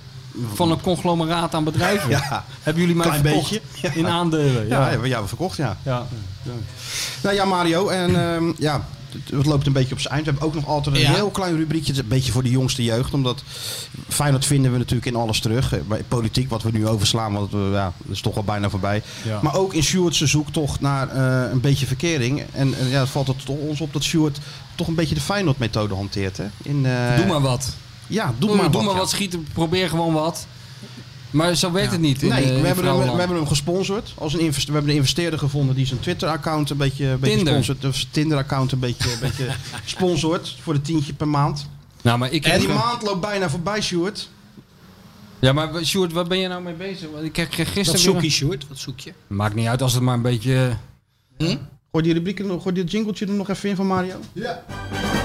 There was a time when you'd be more selective, when you were horny and feeling erective. Now one swipe and there's thousands to bone, all from a sex app you use on your phone. That's the Tinder. Heel goed. Kijk, maar ja, ik heb gisteren eh, de berichten door zien komen de, de, de, die hij uitwisselt met de dames in het land. Maar hij maakt er nou echt, eh, hij wordt nu echt de Shakespeare van Tinder. Ja, hè, het is, het Hele lappe tekst stuurt hij naar die meisjes. vorige week was hij goed, vond ik. Ja. Vorige week was hij echt goed. Maar nou ineens, wat hij nou, eh, wat hij nou stuurde, Hoe heet dat meisje naar wie die, naar wie die het stuurde? naar Charlotte. Naar Charlotte. En Charlotte, eh, die, dat, die heeft hij dan eh, zo- zo'n zo'n like gestuurd. Niks mis met Charlotte trouwens, wat ik zo dat hele kleine fotootje even Zit er een foto zien. bij? Ja, een klein fotootje. Maar zien? Maar ja, het is zo moeilijk afspreken nu, hè, Sjoerd, of niet? Ja, daarom. Ja, Ja, nee, dat zal het zijn. Hier met een kat. poesje. Ja, leuk, Leuk toch? hoor. Ja. En hoe oud is ze? Is een foto van je poesje. 25. Mooie leeftijd, Ja, tuurlijk. Ik ook. dus. Maar dan stuurt Hou je hij van dus... poezen? Ik, ja, ja, ik ben wel poesman. Ja? Ja. Oh, dat lekker. komt allemaal niet slecht uit. Nee. Nee. Maar dan stuurt hij dus, Charlotte is een vrouw... Nee, en, en dan, Nee. En dan stuurt hij? Charlotte is een vrouwelijke variant van Karel. Dit is een van de weinige Germaanse namen die oorspronkelijk als eenstammige, niet samengestelde naam voorkwamen. De betekenis ervan is man, vrije man, niet van adel. Charlotte werd gevormd uit de Engelse of Franse variant van Karel Charles. De naam kwam in de middeleeuwen in veel Europese vorstenhuizen voor. Maar pas in de 14e eeuw werd de naam Sjoerd, in de lage landen breder gebruikt. Voel jij je ook deels een Karel? Niks van laten horen, dat meisje niks van zich laten horen. Onbegrijpelijk. Je Zonde. stuurt de hele Wikipedia-pagina op en dan hoor je niks. Kom vanzelf. Wat zeg je ja, zelf? maar dat is toch... Maar waarom stuur je een bericht naar een meisje om erop te wijzen dat haar naam Karel is? Wat, wat, Ja, wat, ik- ik wat ben- moet hier nou in godsnaam van voor erotiserend effect van Ik uitgaan? ben mezelf aan het saboteren. Zal ik eens een keer een stukje voor je typen? Ja, dat is goed. Ja, dat is goed. Doe ik dat voor jou. Als er het een gekke is- gegadigde is, zal ik eens iets, iets moois voor jou... eh, Ik ben mailen naar... eh, Ja. Ik vind dat toch een beetje eh, Martin van Geel-achtige onderhandeling. Of, of, of- Mm. Dit? Ja, ja, ja. Moeilijk. Ja, ingewikkeld. nodeloos ingewikkeld doen. Nodeloos ingewikkeld. Dat is niet nodig. Simpel, simpel Kijk, want hij doet gewoon bij de, bij de volgende, want hij houdt het natuurlijk niet bijeen. Hij, eh, hij, hij, hij, verspreidt, zijn- hij spreidt zijn kansen. Ja. Stuurt hij eh, nu naar 1 Julia, stuurt hij, hey Julia. En binnen no time terug, haal Stuart. Kijk, dat werkt dan wel. Ja, ja. Je Ah, moet kort maar- houden, kort. Korte zinnen. Ja, korte zinnetjes. En gelijk to the point. Ja, twee vingertjes dicht. Ja, maar Gelijk ook to the point. niet alleen die voorzet geven, ook afmaken die kans. Want jij stuurt nou terug hooi. Dat zijn standaard, eh standaard is ook weer een beetje- ja, maar het is ook weer een beetje bedoel, daarna moet er ook iets gebeuren, toch? Nee, zij, zij vroegen of ik nog plannen had dit weekend. En wat heb je toen gestuurd? Oh. Heel gesprek. Oeverloos. En heb je wat? Oeverloos. Ja. Heb je wat te doen het weekend? Nee, ik heb nooit meer wat te doen nu. Dus het, ja. Nou ja, geef Dus het er kan best kans zijn dat... Geef het een kans. Dus best kans dat het volgende week... eh, Ja. Ga eens het bos verwandelen of zo. oh, hiermee naartoe nemen. Hè? Als, het, eh, als het voor elkaar is, dan, eh, Ja. dan is onze missie geslaagd. Luister even naar de trainer. eh, die Ja. nee. Investeren. ervaring. Investeren. Ja. O- Ook in jezelf. Kijk, en er kan wel eens een verkeerde tussen zitten. Nou ja, dat is bij Feyenoord ook wel eens gebeurd. Ja. Dat is waar, ja. Dat, dat kan. Lucas Plato van Tinder. El Osso van Tinder. El Osso. Vooralsnog. Maar net als bij Al Osso heb ik ook in dit geval de hoop nog niet opgegeven Nee, hoor. Nee, maar die gaat nog wel een doelpuntje je heeft maken. kwaliteiten. Je moet er alleen even uitkomen op Tinder. Ik zie dat de bestseller writer Stuart die heeft eh, een wijntje ingeschonken, want het is toch al gauw Ja. 5 voor 1. Ja. Dat is vrij laat. Normaal gesproken is het natuurlijk al. Hè? Ik ben 63 euro aan parkeergeld kwijt, denk ik. Ja, voor dat de deur. ik denk het is een kwartiertje. Ja, Nee, ben je geen Echt aan. zo lang, jongen. Ja, ja. Nou, bel wel mij maar weer we volgende week. Nou gaan we aan die heerlijke, heerlijke lunch. Bel mij maar weer volgende ja, week. Ja, ja, we wel- Dat is een stuk goedkoper. Zeker. Dan gaan we aan die heerlijke lunch. Want er staat Ja. een hele grote witte Daar ben ik box nog daar uurtje staat. mee bezig, hoor. Dat ben ik ook bang voor, ja. Dus Smit Savis, hartelijk bedankt voor de, is dat. lunch. We gaan die mensen van de huismeester ook uitnodigen. Toppetje, Sterker nog, we gaan heel de meent uitnodigen, want dat Ja. kan makkelijk. Korpot, als we even op Korpot wachten, die zal zo wel langskomen op die mee. Ja, over het algemeen wel. Die, die rijdt altijd zeven rondjes om een eh, parkeerplaats te vinden. Ook, al, Terwijl er niet open is. ook al kan die gewoon inschuiven ergens. Nee, toch nog even met die Porsche in de rond. Ja. Zo is dat. En normaal gesproken sluiten we af met een, eh, ja, een, een stukje verheffing. Van, eh, dat gunnen we dan de bestseller writer. Die wil graag ook eh, dat opvoedigen een beetje erin houden. Ja, en dan vorige heeft week is mijn gedicht helemaal gesneuveld. is gesneuveld en nu sneuvelt hij ook. Want we hebben een, Ja. een ander iemand die, Ja, die ja, afsluit. nee, wacht even. Wat? Nee, maar ik hanteer een beetje de Jinek. eh ik ga niet meer zomaar eh, allerlei kunstenaars iets laten roepen. Want voordat je het weet, ik wil van tevoren die tekst eh, eigenlijk zien. Nou, dan moet je ik even... ben maar, nou, verantwoordelijk. maar luister Hè? Mario, we hebben nu een kunstenaar die echt met een, met een klap eruit gaat. Luister maar. Nou, ik zal eens even... Is En het die tot, volgende week. Het is niet Litouwers, het is, het is een groot kunstenaar. Oké, nou kom maar op. En tot volgende week, zullen we zeggen. Ja. Gooi hem nog in, Sjoerd. Ik wist niet dat je er was. Ik wist niet dat je er was. Nee, ik wist niet dat je er was. Ik zag wel een kooltrui, maar ik dacht, wat is dat toch? Ja, nee, oké. Wat wou je zeggen dan, Mario? Nee, nee, ik weet Wat wou je dan zeggen? Er werd er net aan mij gevraagd of ik eh, een mop wou vertellen of zo. Dat, eh, Oh, daar, oh, doe maar. Nou, doe ja. maar. Wel, als het een mop is, moet kunnen. Maar dan moet hij wel een beetje, het bijna afgelopen jaar, toch wel een beetje naar ruiken. Weet je waarom jij, want jij hebt mij ook wel eens een paar keer in de maan genomen, waarom jij zo zalig en minnaar bent voor vrouwen? Wat aardig van je. Nee, ja, zomaar, zomaar. Stel eens even. Je bent een en een lul. Ja, ja, oké, ja, ik weet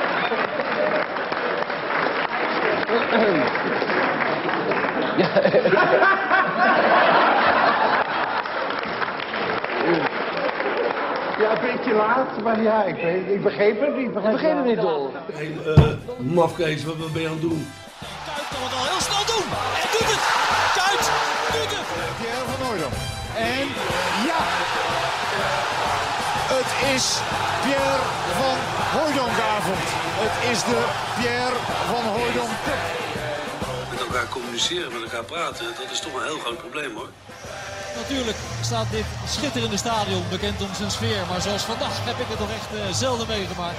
Ik denk dat ik dat gezegd heb, maar dat heb ik niet gezegd.